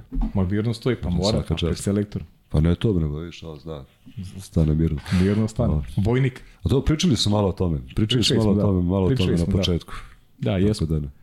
Mislim, i svi su treneri to rekli, da znaš, koji su imali prilike Tako. da rade, da, da su, da je šta je interesantno, da su žene negde ovako, po, da, devojke poslušnije, da, da, da, da im je... Jeste, jeste. Ne žele se ni disciplina, da, dis, imaju, imaju disciplinu tu u radu. Kažeš im treba to i to, one to urade i... One rade, tako je, to, Da. to jeste, to stvarno jeste. Da, to su svi treneri zaista potvrdili. Eto, znači onda ne grešim, to je tako. Ne grešiš, onda. da Jaca Krstonošić je pričao o tome isto ovde kad je bio gost, tako da Eto, to je to. ta priča. Uh, ideš iz Partizana u Zvezdu. U. Waterpolu, u Waterpolu to onako prođe neopaženo. Mnogi da, su, to nije mnogi su. problem. Pa da, nikakav problem nije i nema tu, nema tu nekih negativnih ovaj, reakcija kao nekim drugim sportovima. Kako pamtiš taj period u Zvezdi? Zašto si otišao iz Partizana? Ajde. Pa ja sam u tom trenutku primetio da verovatno ne mogu da se izborim u Partizanu, da budem standardan prvotimac. Bio sam rezervan, znači uđeš malo igraš, malo ne igraš. Ovaj, tako sam vratno u tom trenutku primetio da bi možda bilo bolje da pređem negde gde ću da, da igram više. Tako da sam to, to i uradio. Da Nena Manorović tad nagovara da ostane još godinu dana, još godinu Jeste. dana. Da. Ali nekako sam ja to bio odlučio iz nekog razloga, nije, nije ni važno. O, sam prešao u Zvezdu, a moram reći to, nije to, nema veze sa, sa trenerom i sa klubom, nego jednostavno sve to, kad neko, znači ne uspe, ja sam imao sve, sve mogućnosti tada da su Partizanu sjajno se radilo sve to, da postavim nešto više nego što sam postigao, ali jednostavno nisam i na meni je. Ovo, sam u to vreme početkom 90. godina, te posljednje, posljednje godine pre, pred raspad svega, sam za te mlade reprezentacije Jugoslavije tada, Igrao si. da, da, tu sam, sam bio po tim mladim reprezentacijama za moje godine 75. i 74. Znači, bilo, bilo je tu potencijala, potencijala. Se verovatno sam mogao da i mnogo više napravim, ali u nekom trenutku nešto se desilo, možda nisam, nisam se dovoljno borio, dovoljno Da li si zalagao, možda ne znam. neopravdano, da li si možda neopravdano sumnjao u Ne. sebe i si tada ne. si to razmišljao ne? Ne, ne, pa ne, ne nisam, vjerojatno nisam razmišljao na taj način. Ne, to, da to, ne. Ove, Pitam ti iz razloga što zato što si kažeš da si negde mislio da nisi ovaj uradio dovoljno ovaj dovoljno dobro da nisi mogao da se izboriš sa u Partizanu. Pa to te mislim da to, to posle dođe. To, to posle dođe, posle aha. kad, kad, kad više ne igraš Aha, ili kad okej. ne igraš ozbiljno, kad vratiš film, šta se radio, kako se radio, shvatiš da si mogao više, ali u nekom trenutku možda jednostavno nisi bio dovoljno pristan, možda si mogao da se zalažeš više, da treniraš, Aha. pa je bilo drugačije. Ovo, I to je jednostavno tako. Uh, ali u Zvezdi posle, i to je sa neke sportske strane bilo skroz u redu. Tamo sam igrao isto, igrao sam prvi sedam, igrao sam sve vreme, tako da što, što ga tiče bilo je to, bilo je to skroz u redu. Bio je, krivi je bio trener tada, Krivi trener, da. Vlada Bajković kao pomoćni trener i bilo je, bilo je jako interesantno. Je. Bilo je dobro to, sve, sve je to bilo u redu. To je sad bio prelaz, ona šampionska generacija Zvezde Da, koja da, već da, onako da. neki su igrači otišli, Pa malo tu- se drugačiji tim pravio, tako? Pa drugačije, drugačije, to je bilo potpuno, potpuno druga priča onda. Ove, ali bilo, bilo je skroz okej. Okay. Igrali smo i tu u prvenstvu zapaženu ulogu, bilo je, bilo je dobro. Bilo dobro. Bilo je dobro, bilo je dobro. Znači ti si igrao u Srbiji, si igrao za V4 rivale, dakle. Partizan i Zvezda. Po je. Nikobazanu završio, završio si igračku karijeru u Srbiji u Zvezdi. Tako je. Da. Dobro, i onda, onda ide odlazak u Nemačku. Kako se to odigralo? Šta se tu desilo da ti prelomiš i da, i da odeš u Nemačku? Pa to je više manje bilo, pa nije to neki veliki plan bio. To je jednostavno, eto idem sad tamo pa vidjet ćemo šta će biti. Neka ponuda je stigla ili... Pa, pa ne, dobro, nije to, nije to kao futbol sad. Nije, dolaze ponude, prijatelj, jedan isto igrač je, uh -huh. je bio već tamo, godinu dana pre mene i otišao koji je igrao za Zvezdu, isto ranije, Dragan Dobrić, uh -huh. 74. godište i on me zvao, kaže, kaže, dođi, dođi ovde da igramo zajedno tu. Pa rekao, super, da probamo, sam otišao tamo i ne razmišljajući da će ostati uvoliko dugo. Ali jedno krene za drugim, ostaneš jednostavno, krene život, tako rode se deca i to posle da. ostane tako kako jeste. A čekaj, gde si igrao tamo? U... Igrao sam više u klubu, igrao sam, uh, klub se zvao Helas 99, tada je bio prva liga. Gde su oni, odakle su oni? Uh, to je jedno mesto pokraj Hanovera, Hillesheim se zove. Uh -huh, pokraj Hanovera. Tako aha. je, tako je. I ovaj, to je bila jedna fina priča, oni su investirali, investirali su u tim, u to vreme, Uh, bio je, bila je fina ekipica, igrala se prva liga, tada, tada je bilo osam ekipa u prvoj ligi. ligi. Tako je, bilo je jako interesantno. Znam, moja prva utakmica u Nemačkoj bila je protiv Špandova, to se sećam isto. Opet protiv, opet da. taj Špandova. Sećam se rezultata 9-5. 9-5, da. Toga se sećam isto. Si dao gol? Si toga ne, sećaš? Nemaš, to se ne sećaš. jedan, čini mi se jedan. Šta si igrao, na kojoj poziciji? Pa ako odeš na stranstvo, igraš sve. Igraš sve kada, ba, igraš sve. Pa da, igraš sve. Ne, moje, moje pozicije su bile uh, centar i bek. Centar i bek, aha. Centar i bek, da. S tim uh, sam u na, posle sam više igrao beka nego centra, ali uh mhm. -huh. sam igrao i centra redovno. Uh mhm. -huh. Ali beka u Nemačkoj posle igraš i beka i centra i u levu stranu. Kad si stranac, tako je, sve si. Pa igraš sve gde god treba. Da. da, da ti, prvo da ti misliš da možeš da, da aha, pomogneš. Da pomogneš. tako je. Tako, igraš sve.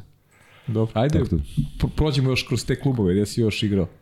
Pa ja sam postao još u, još u Magdeburgu i završio u Bayer Dordigenu, završio karijeru. Sa... A ti si tamo i završio karijeru, tamo Tako si je. počeo trenersku i završio igrač karijeru. Tako je, tamo mm. završio igračku karijeru, mada sam mislio da igram, ja sam imao neki plan da igram do 40. godine. Je tako, a? To je, a sam ipak sa 37 prestao i onda sam dobio ponudu da, da, da postanem trener ženske ekipe i tako da se sve to nekako odigralo, poklopilo je.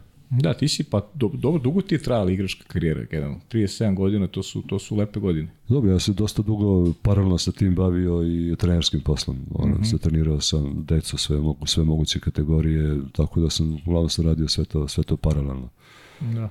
Da, tu negde sam završio igračku karijeru, upisao trenersku akademiju u Kelnu i to završavao tri godine. To je vrlo interesantna stvar, to mm -hmm. preporučujem svakom ne mogu ljudi odavde, ali ko radi u Nemačkoj, mogu svakom da preporučim. To je vratno neki pandan Akademije sporta ovde u Beogradu, Univerzitetu Union. Vrlo, vrlo interesantna institucija koja je osnovana od Nemačkog olimpijskog komiteta i tu ne može svako da uđe, nego samo treneri koji imaju A licencu u svom sportu i uz preporuku Saveza. Tako da je to vrlo, vrlo interesantno iskustvo i ti onda sediš u učionici sa ljudima koji su isto tako iz, dolazi iz vrhunskog sporta dolaze, koji su čak osvajači medalja, svetski olimpijski prvaci iz raznih sportova i dosta se nauči tu kroz razgovor sa tim, sa tim ljudima. Mm -hmm. vrlo, vrlo interesantna stvar. Da, sjajno. A, a kad si, kad si ovaj razmišljao o tome da je trenerski poziv nešto što će, što će biti tvoj izbor? Dakle, još si igrao vaterpolo kada si, ili ti neko ili te neko, ti neko sugerisao u klubu u kome si bio da bi ti mogao time da se baviš ili si prosto ti sam negdje odlučio? Sad ću poslije ti reći zbog čega te to pitam. Pa ne, ja sam se time bavio paralelno dosta dugo i kad si u tome, ceo život u tom sportu, neko razmišljaš da i kad završiš da igraš da, da ostaneš da budeš trener. Znači samo inicijativno je bilo neka tvoja želja. Da, da, naravno, naravno. I ali poklopilo se u tom trenutku tako nešto se poklopilo da kad sam završio da se otvorila tu šansa da da preuzmem to mesto trenera žena i to sam odmah prihvatio, upisao trenersku akademiju preko Saveza, tako da mogu da su oni tu investirali ovaj, u mene. Mhm. Uh -huh. Jesu? Pa da. Da, da, super. To... Super, to je bitno, zato što ta vrsta podrške mnogo znači ovaj, sportistima generalno. Inspirisala je me priča Igora Kovačevića koji je podelio ovde sa mnom, kako je predsednik Marseja, kako je se njemu obratio još dok je igrao. Uh, napiši mi na papiru uh, tri posla kojim bi volao ti da se baviš. Super. I onda su od ta tri pronašli rešenje i onda je on pomogao mu, predsednik mu je pomogao da se doškoluje i da eto se bavi sad onim čime se sad, čim, čime sada bavi. Što je, što, što je stvarno fenomenalno. Ta, ta, ta briga, ta briga o, o Nije to samo sport, izađi pobedi, ne znam, dobit ćeš premiju ako pobediš, nego šta, šta će biti sa čovekom kada završi karijeru? svaka čast tom čoveku. Da, to, to je stvarno sjajna stvar. Po toga sam ti pitao, baš vidim da li, da li negde sistem ovaj slično funkcioniše, da li ima, ima te vrste brige, razmišljanja o, o ljudima ovaj, i, i, i u Nemačkoj. Dobro, ja verujem više da je to da je to incident, da to nije ovaj da, Da, to nije pa sistem. moguće, da, moguće, bravo, moguće incident, ali očigledno da je to možda jedan čovek koji, koji tako Verujem radi. biće biće da je tako. Takvi Biće ljudi da su, tako. takvi ljudi su neophodni. Biće da je tako. Kaži mi malo taj taj ajde pričali smo pričali smo o tebi malo ćemo još. Šta taj fenomen Hanovera o kome svi pričaju imaš prilike da da poznaješ čoveka koji je i vlasnik kluba i trener kluba i mi ga gledamo u direktnim prenosima stalno. Ja se toliko Mhm. lepo priča naslušao o njemu je to stvarno jedan jedan ovako gospodin koga koji Pa- koji brine mnogo o vaterpolu šta je šta je šta je priča o Karsten, Karsten Zehafer. Da. Ovaj, pa nije on vlasnik kluba. On je jedan, jedan od sponzora. Jedan od sponzora, Jedan od a, okej. sponzora, stvari, verovatno najveći sponzor, nije on jedini, ali njegova firma Hanomag, uh Mhm. -huh. veoma uspešna firma i on je u nekom trenutku odlučio da od tog kluba, gde je on već godinama, on je ranije sam igrao isto vaterpolo, o, da je odlučio da to podigne na neki veći nivo, da investira. I to je iz godine u godinu raslo. So, malo više, malo više, malo više, dok jednog dana nije donata odluka, sad ćemo da investiramo, da vedemo igrača, da igramo Ligu šampiona. Da. O, tako da u principu je to, to veoma lepa priča i on je sam po sebi pozitivan čovek. On se time bavi, bavi iz ljubavi, to voli, brine se o tom klubu, brine se o tim igračima, stvarno i nema, nema ni jednu reč zamerke da čovjek kaže. Skoro sam sedao sa njim pre, pred utakmice sa Vuljahmenijem, smo sedeli na sati i popričali, potpuno u redu. Da. On to radi tako kako, kako što kao kako misli da treba da, treba da radi, radi, da. to, to je sve, sve u najboljem redu. pa dobro Ali su nisam još nijedan igrač nije bio tamo da je, da je ostao nezadovoljan, ja mislim. Nisam Da. čuo. A to rivalstvo Hanovera Špandovo ili toliko baš izraženo Pa to je veliko rivalstvo. Jeste, da. a? Jeste, jeste. Svaki sport mora da ima neko rivalstvo, pa eto, to Pa je, dobro, to, to nije loše. Ko je bolji trenutno? Smeš da kažeš? Pa trenutno je Špandov. Trenutno je Špandov bolji, ja?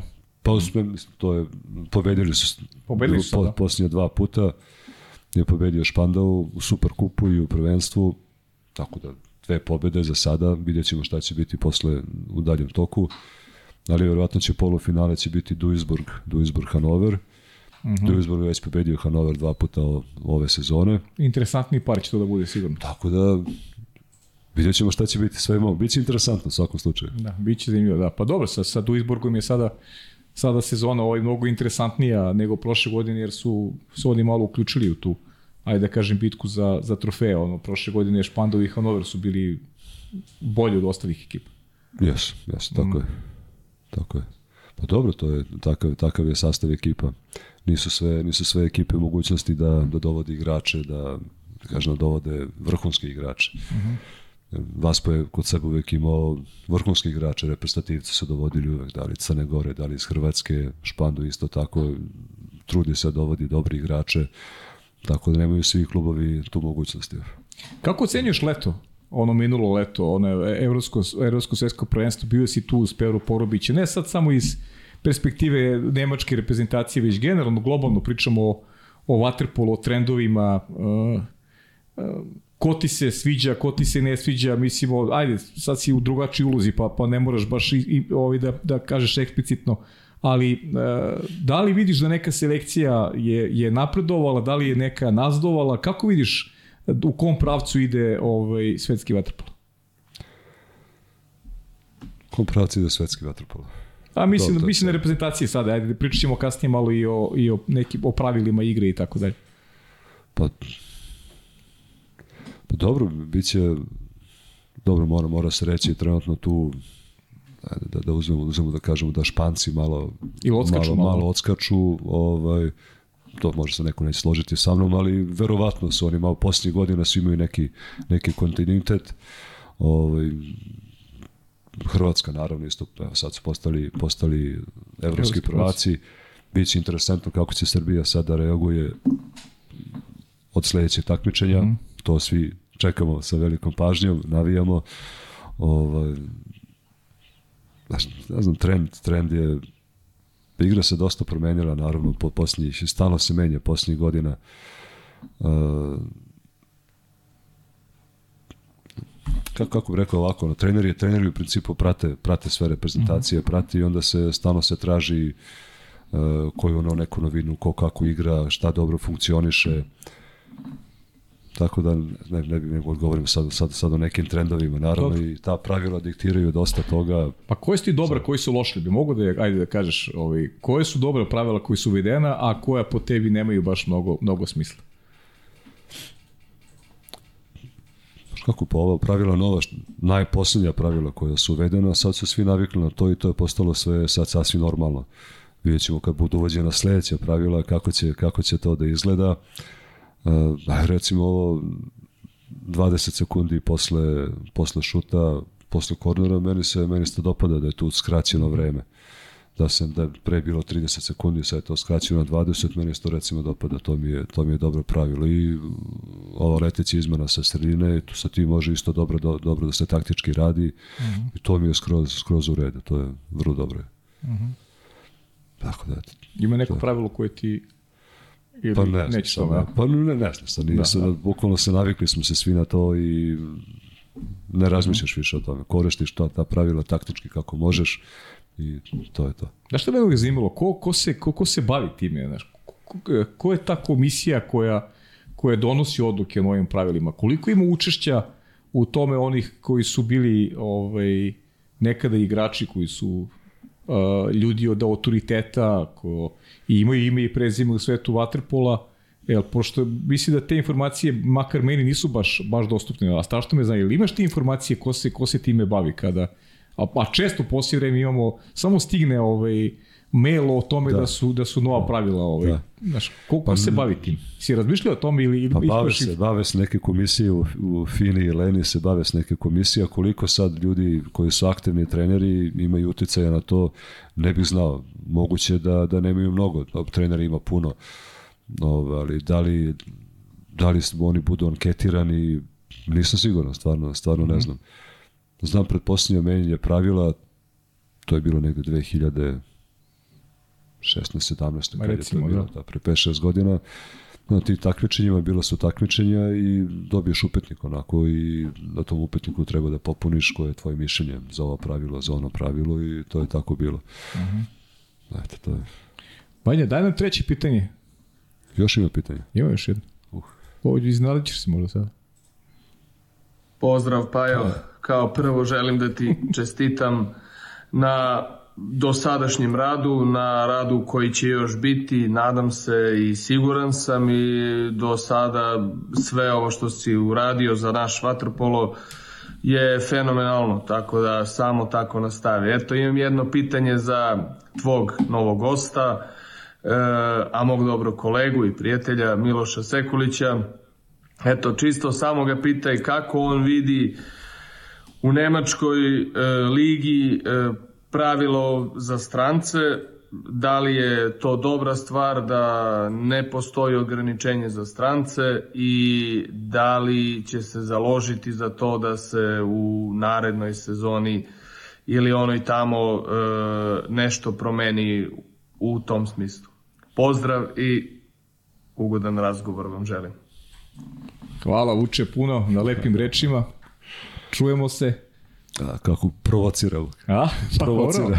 Dobro. dobro pitanje, sad je, znaš... Da, pa pričali smo malo, malo smo pričali o tome na početku. O Jesmo, temi. ali, ali, da. ali nisi iznao svoj stav, ajde vidim. Pa to nije to, nije to neka, nije to neka da. tajna, to je stvarno tako da stvarno ima previše stranaca u toj, u toj ligi. Da ne ograniče broj stranaca u toj mm -hmm. ligi i ja bih stvarno voleo kada bi nemački, nemački igrači imali više prostora da igraju. U svim klubovima. Mhm. -huh. Dobro, neki, neki manji klubovi čak i nemaju mogućnost dovođenja stranaca, ali naravno, naravno, jel, ja mislim da to ne postoji, ne znam da postoji još negde tako, ili je samo to u Nemačkoj da imaš neograničeni broj, ako si EU stranac, možeš da igraš. Svode je ograničeno na dva ili tri. No. Da. I po meni je to, po meni je to idealno. Ja bih me nekako mi je zdravija situacija hajde kažem da budu 3-4 stranca, ali vrhunska 3-4 stranca na tim pozicijama i ostalo da budu naše reprezentativci. To bi neko bilo idealno. Da li je to moguće, da li je moguće, to je, to je druga stvar. Ali to, ja bih to pozdravio u svakom slučaju. Da, pa dobro, treba probati, treba, ovaj, ajde da kažem, lobirati po znacima navoda za tako nešto, ali to mora da prepozna onaj ko naravno, koji je rukovodilac sistema. Pa naravno, naravno. Tako je, to je Naravno. poenta cele priče. Mi Naravno. možemo da pričamo. I ima mnogo anomalije, to je naravno. Zato i služe ove emisije da probamo da ukažemo na, na neke. Pa ali dobro, nije važno, dakle, tako. nije važno ovo iz koje zemlje dolaze. Miloše, si imao nekog idola ti kad je vaterpolo u pitanju? Uh, idola. Pa ne sjećam se sad idola. Ma ne mogu, ne mogu reći da sam imao baš, baš nekog idola. Mhm. Naravno, kad smo mi bili klinci, tada je Igor Milanović bio najveći. Znači, to Još je, je to je, na toj poziciji na si ti igrao. Tako je, tada i on bio najveći, ovaj, ali da baš nekog idola ne mogu, ne mogu sad da kažem. Da sam baš gledao, to je taj igrač. Naravno, oduševljavaš sa svim reprezentativcima, to, to nema greške.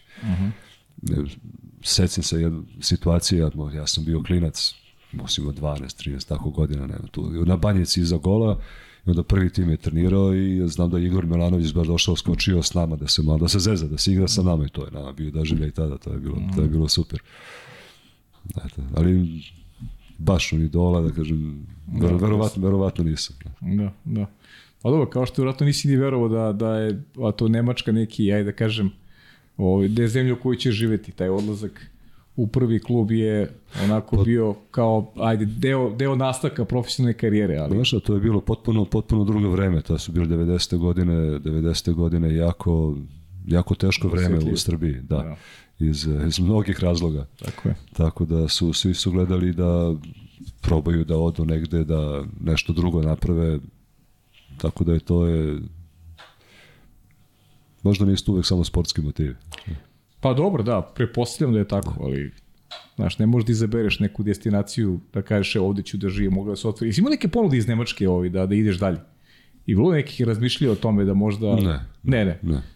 Ti si u Nemačkoj, ono, tebi je Nemačka legla baš Pa kako treba. nisam, nisam ja ni gledao ništa dalje. Nisi ni gledao dalje Ne, uopšte, a? Ne. Pogotovo još Aleksa kad se rodio, to je znači bilo bilo to to. Pa verovatno. Da. Verovatno. Nisam se ja baš ništa nešto interesovao da, da idem negde drugo. Mhm. -huh. Ne, sam počeo tu neku priču i to se, to se nastavilo tako je.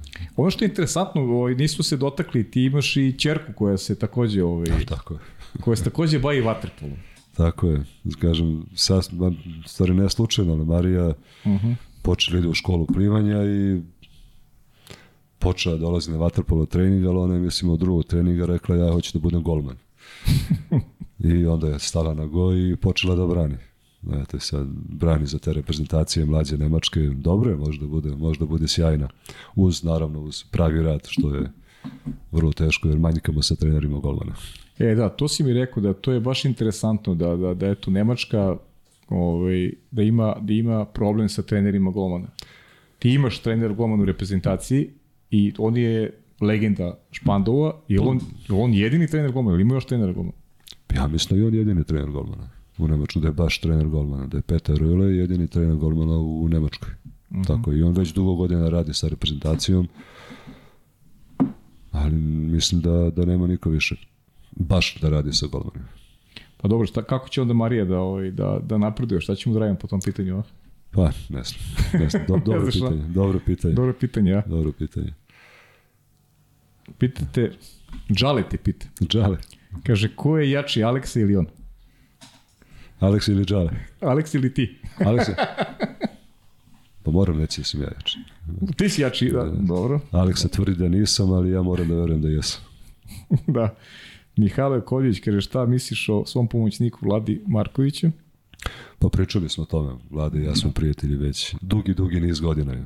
Nema, E, sad ovdje ima pitanje, ovo je pitanje, imam pitanje za Miloša, ne vidim tačno ko, ali interesantno su pitanje.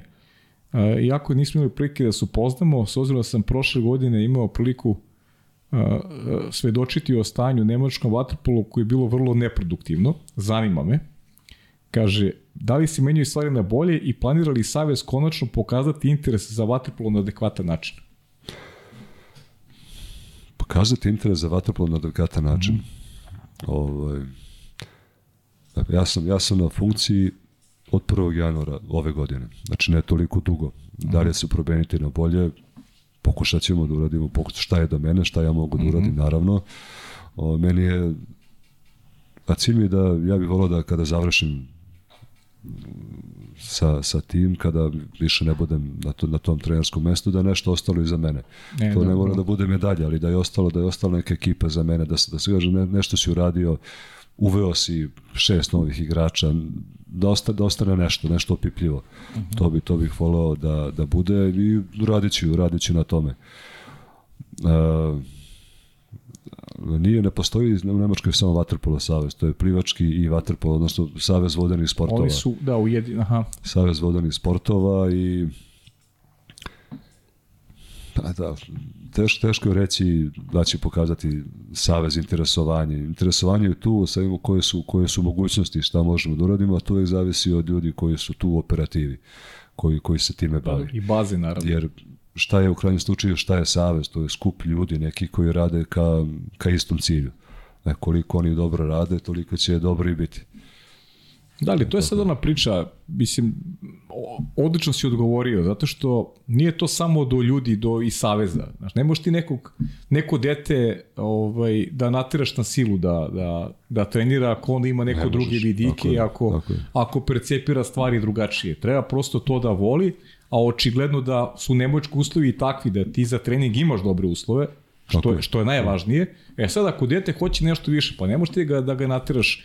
Na, na šta je misli da je neophodno? To je moje mišljenje. Misli da, da je Nemačkoj neophodno jedan, do, jedan dobar rezultat. Jer mislim da rezultat pokreće možda lavinu, da, da, da se onda, onda se više deci interesuje, više njih želi da, da se posveti nekom sportu. Ako nema rezultata, Nemačka baš dugo nema i zato je tvoja pozicija ovaj, u tom pogledu sigurno nije laka. U svakom slučaju rezultat vuče sve. Da li vuče kratko trajno ili dugo trajno, to je druga priča, ali rezultat je u svakom slučaju potreban. To je to je tako. E, izvini, ovo je Marko, ovo, evo, ovo Marko te pita, Marko Štefanek, izvini, Marko, Marko. iz Total Waterpola, nisam vidio na, hvala Mare puno na pitanjima i kaže ima drugo pitanje, koliko on kao izbornik može uticati na te pozitivne promene i dobiti podršku Saveza, e, kakvu ekipu i mora imati da bi mogla napredovati? Pa za sad moram reći da imam, da imam dobru podršku, ne mogu, ne mogu mm -hmm. da mhm. se žalim. Ovaj, ali ekipa je takva kakva je, o tome smo isto pričali, tom spisku, spisku igrača, on je takav kakav je i tu nema pomeranja. Na meni je da vidim kako to može da, da uznapreduje, na koji način, ne kažem, imamo tu, ima tu ima tu talentovanih, talentovanih klinaca, kažem klinaca, mislim na momke 17-18 godina, uh mhm. -huh. sa kojima treba raditi i koji su koji su možda i budućnost tog, tog nemačkog vaterpola. Uh, da ja sam ja sam jedan od trenera koji koji vrlo vrlo gleda na na mlađe igrače. Uh, tako da mislim da i u tom pravcu ćemo ćemo se kretati, mhm. davati davati šansu svima.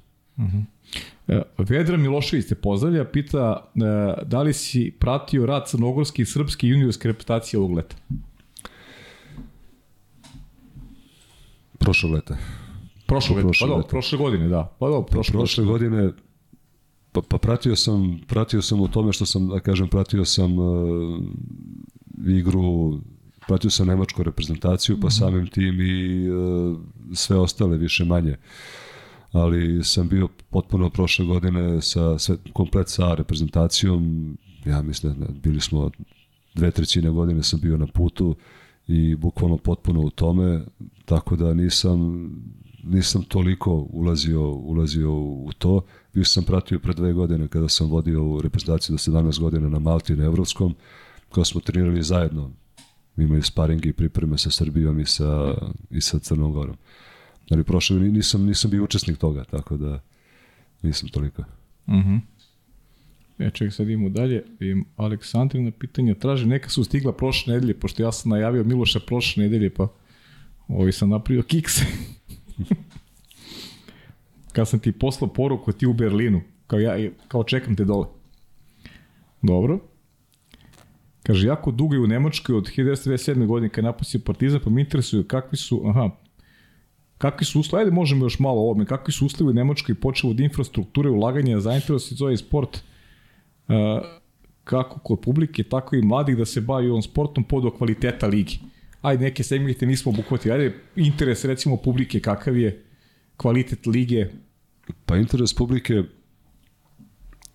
kažemo ovako, najbitniji, najbitniji derbi je lokalni derbi. Kad se igra mm -hmm. lokalni derbi, tu ima i verovatno najviše interesovanja ovaj, za taj neki lokalni derbi. To su najvažnije utakmice koje treba dobiti. Nije bitno koji je nivo, da li je to neki niži ili viši nivo i tu ima više interesovanja nego, nego za druge utakmice. Ovaj, naravno kad se igra, kad se igra finale kupa ili finale prvenstva, to da tu ima, ima više interesovanja. Ali samo po sebi ne, ne, ne, nema tu puno, puno publike na utakmicama. Ovaj, dešava se recimo tamo na zapadu Nemačke, pošto tu je dosta, dosta gradova su jedni pored drugih i tu stoji mali lokalni derbi su uvijek prisutni i tu dođe stvarno dosta ljudi da gledaju, to bude, bude jako zanimljivo, bude jako interesantno. Mm -hmm. Što se tiče infrastrukture, može se reći da Nemačka uopšte nema lošu infrastrukturu za, za vaterpolo. Postoje ti, uh, ja nazovem trenažno, sportsko trenažni vaterpolo mm -hmm. centri koji imaju svoje internate i koji imaju elitne škole sporta. Berlin recimo ima elitnu školu sporta, ali nema internat. Tako da u, za Berlin teško je dovesti decu iz drugih gradova jer nema internata. Ali ima, postoje recimo u Hanoveru, postoji u Potsdamu, to je na internat i elitna škola sporta su jedni pored drugih i naravno bazen. Tako da i tu su uslovi za trening fantastični, jer deca tu spavaju, tu jedu, tu idu u školu, tu Šta? treniraju mm.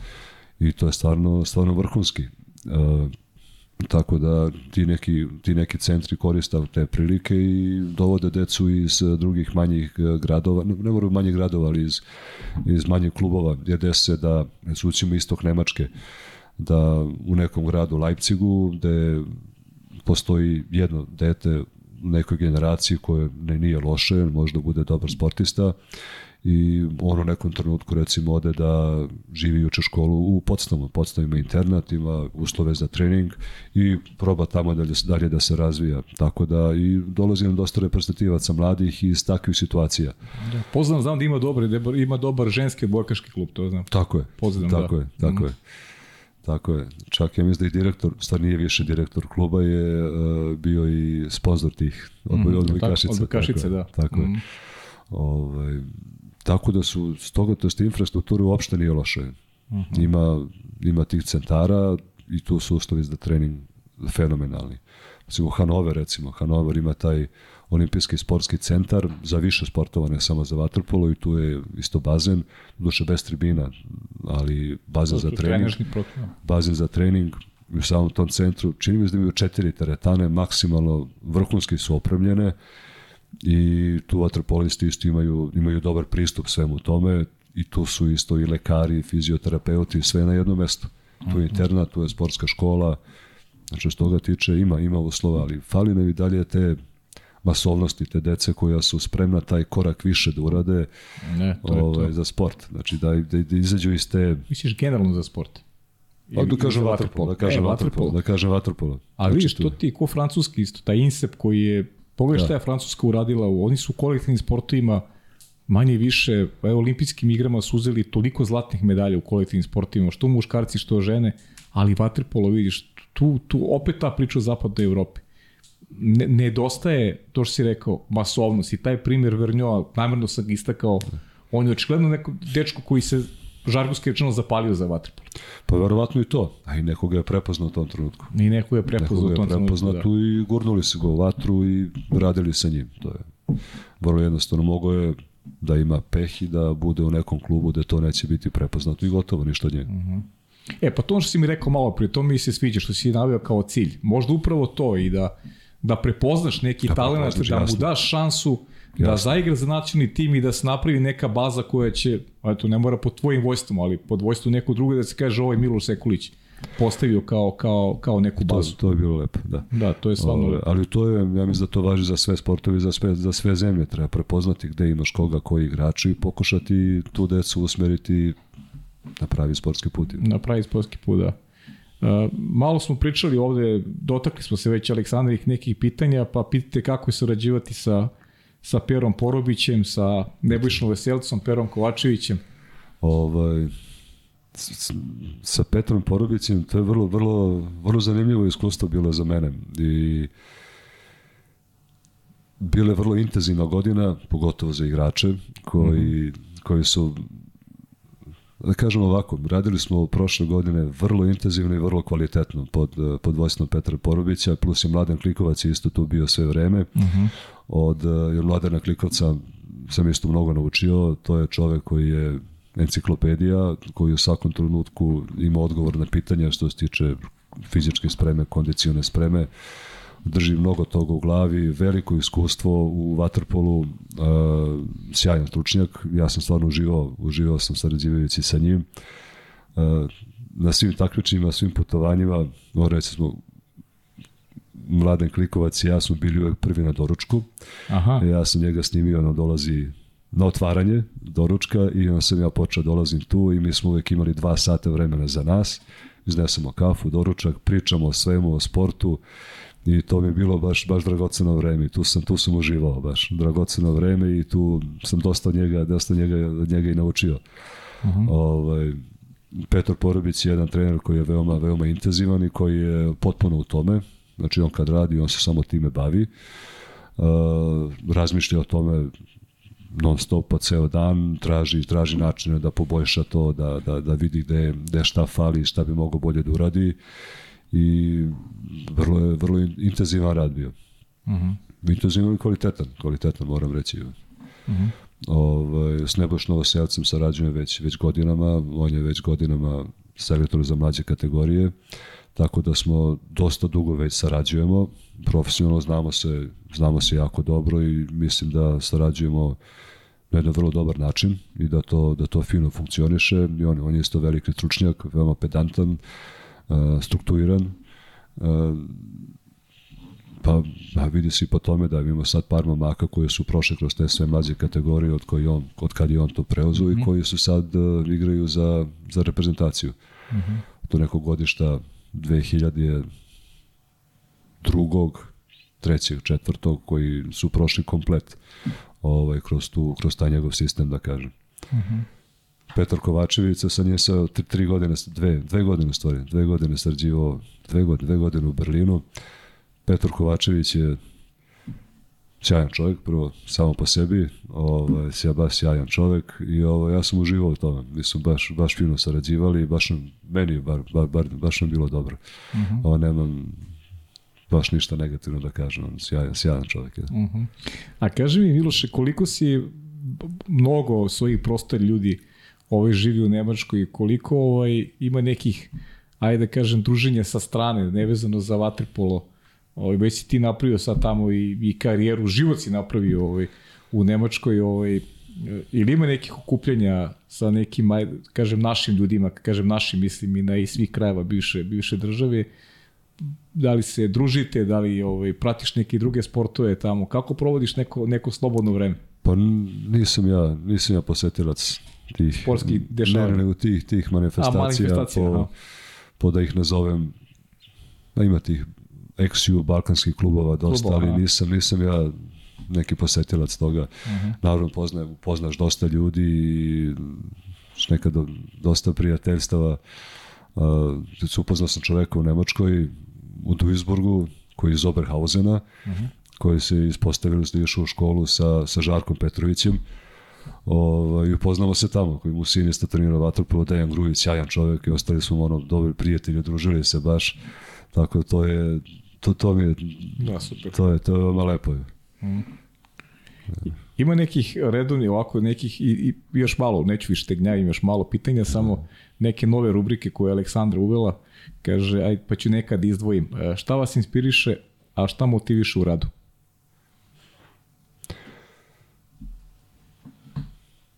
Pa najviše inspirišu, najviše mogu da inspirišu igrači sami po sebi, jer ja mislim da vjerojatno to kod svakog trenera, kad se završi trening, je bio dobar trening, bio uspešan trening, ti, ti kao trener ideš kući sa jednim veoma lepim osjećajem, raspoložen. Mm -hmm. S druge strane, kad trening nije uspeo, ni ti nisi raspoložen, tako da to je onda motivacija posle za, za sledeći trening. I ovaj, naravno takmičenje samo po sebi, zašto se spremaš, na kojem nivou, sve to, ali taj neki odnos sa igračima na svakodnevnom treningu, to je verovatno vrlo, vrlo visoka stavka. Ako to ne funkcioniše, onda gubi se dosta toga.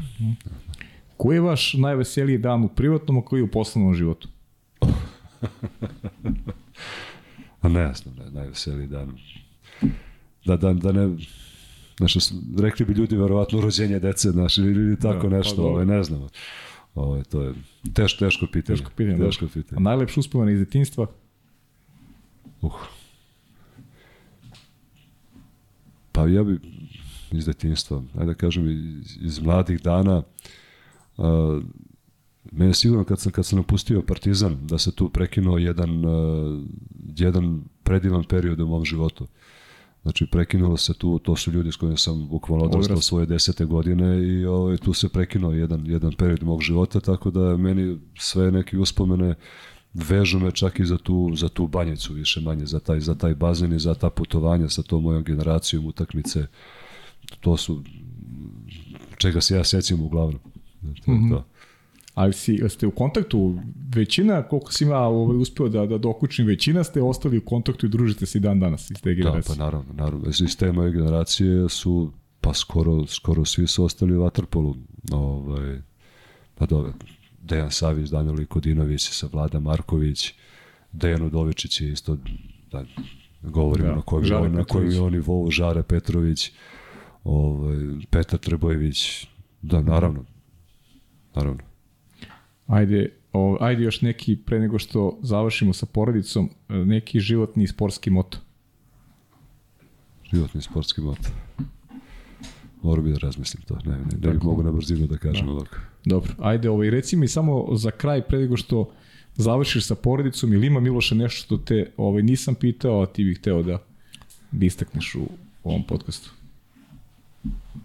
Pa ne znam, ne, ne pada mi na pamet. Ne, ja, mislim da smo prošli, ja? Prošli yes, smo sve dobro, teme, ja? Dobro, dobro. Ovaj, nadam se da ćemo sledeći put da se vidimo ovaj, kad napraviš ovaj, nešto što si planirao sa reprezentacijom Nemačke, ne mora to da bude medalja, nego da bude ono što si rekao, mnogo mi izdopada cilj koji imaš, da ostaviš nešto iza sebe, Pa, pa da, meni je to sasvim, Nema, sasvim dobar cilj. Ja, ja ti želim da Nemačka postane ponovo konkurentna. Eto, to neka bude, neka bude cilj. Ili, ili to za dobrobit ne samo a, nemačkog vaterpola, već generalno za dobrobit svetskog vaterpola. Kako meni, ja bih volao prvo, prvo kad bi ja sam rekao i momcima, možda nismo, možda nismo najbolji na svetu, ali dajte da budemo ozbiljna ekipa, da budemo stabilna ekipa. Kad se pojemo na takmičenju, da, da ljudi vide da smo, da smo ekipa, da, smo, da mislimo ozbiljno to što radimo. Uh mhm. -huh. Pa ćemo onda polako dalje. Volimo da završimo i, i devojke su tu, volimo da završimo sa porodicom, pa ovaj, ajde malo da, da pomeneš porodicu ovaj, Aleksa Marija, o njima smo pričali. Nadam se da. će Marija dobije, moraš da obezbediš za Mariju trenera, trenera Goma. Znam, sve ja to znam. Sve ja to znam. Ali nekim trenucima je čovjek nemoćan. Znamo to, to je, to je poznato. Da. Dobro, mislim, ako je takav talenat, a svi kažu da jeste, ajmo da... Ovaj... Pa jeste, ja mislim da jeste. Ona je ovaj, primjer fizički, ona je velika, ima 180 cm, ona je mm -hmm. velika i ima, ona ima nešto što nemaju svi sportisti. Ona je u stanju da recimo dva sata trenira potpuno koncentrisano. Potpuno. Mm -hmm. Znači bez, bez pada koncentracije. Sjajno. Ove, ovaj, tako da može, može vrlo lepo da se radi sa njom, preuzima sve, kapira, svata, to, to, to radi, ali no, Aleksa, Aleksa još i mogao da trenira sa mnom, može, mora, ali mm -hmm. sa devojčicama je to drugačije. Ona, to da. više, nije baš tako. Nije baš tako. Da. Je to to? Dobro. Miloše, hvala ti puno. Hvala ti Nema puno čemu. na izvojenom vremenu, na ovom divnom razgovoru. Držimo ti fige da, da, da postaviš stvari kako želiš i onda u nekom sledećem podcastu na ovom istom mestu ovaj, analiziramo ovaj, šta si uradio naravno, i koliko, je, koliko, si, ovaj, koliko si uspeo da da postaviš e, temelje onoga što želiš.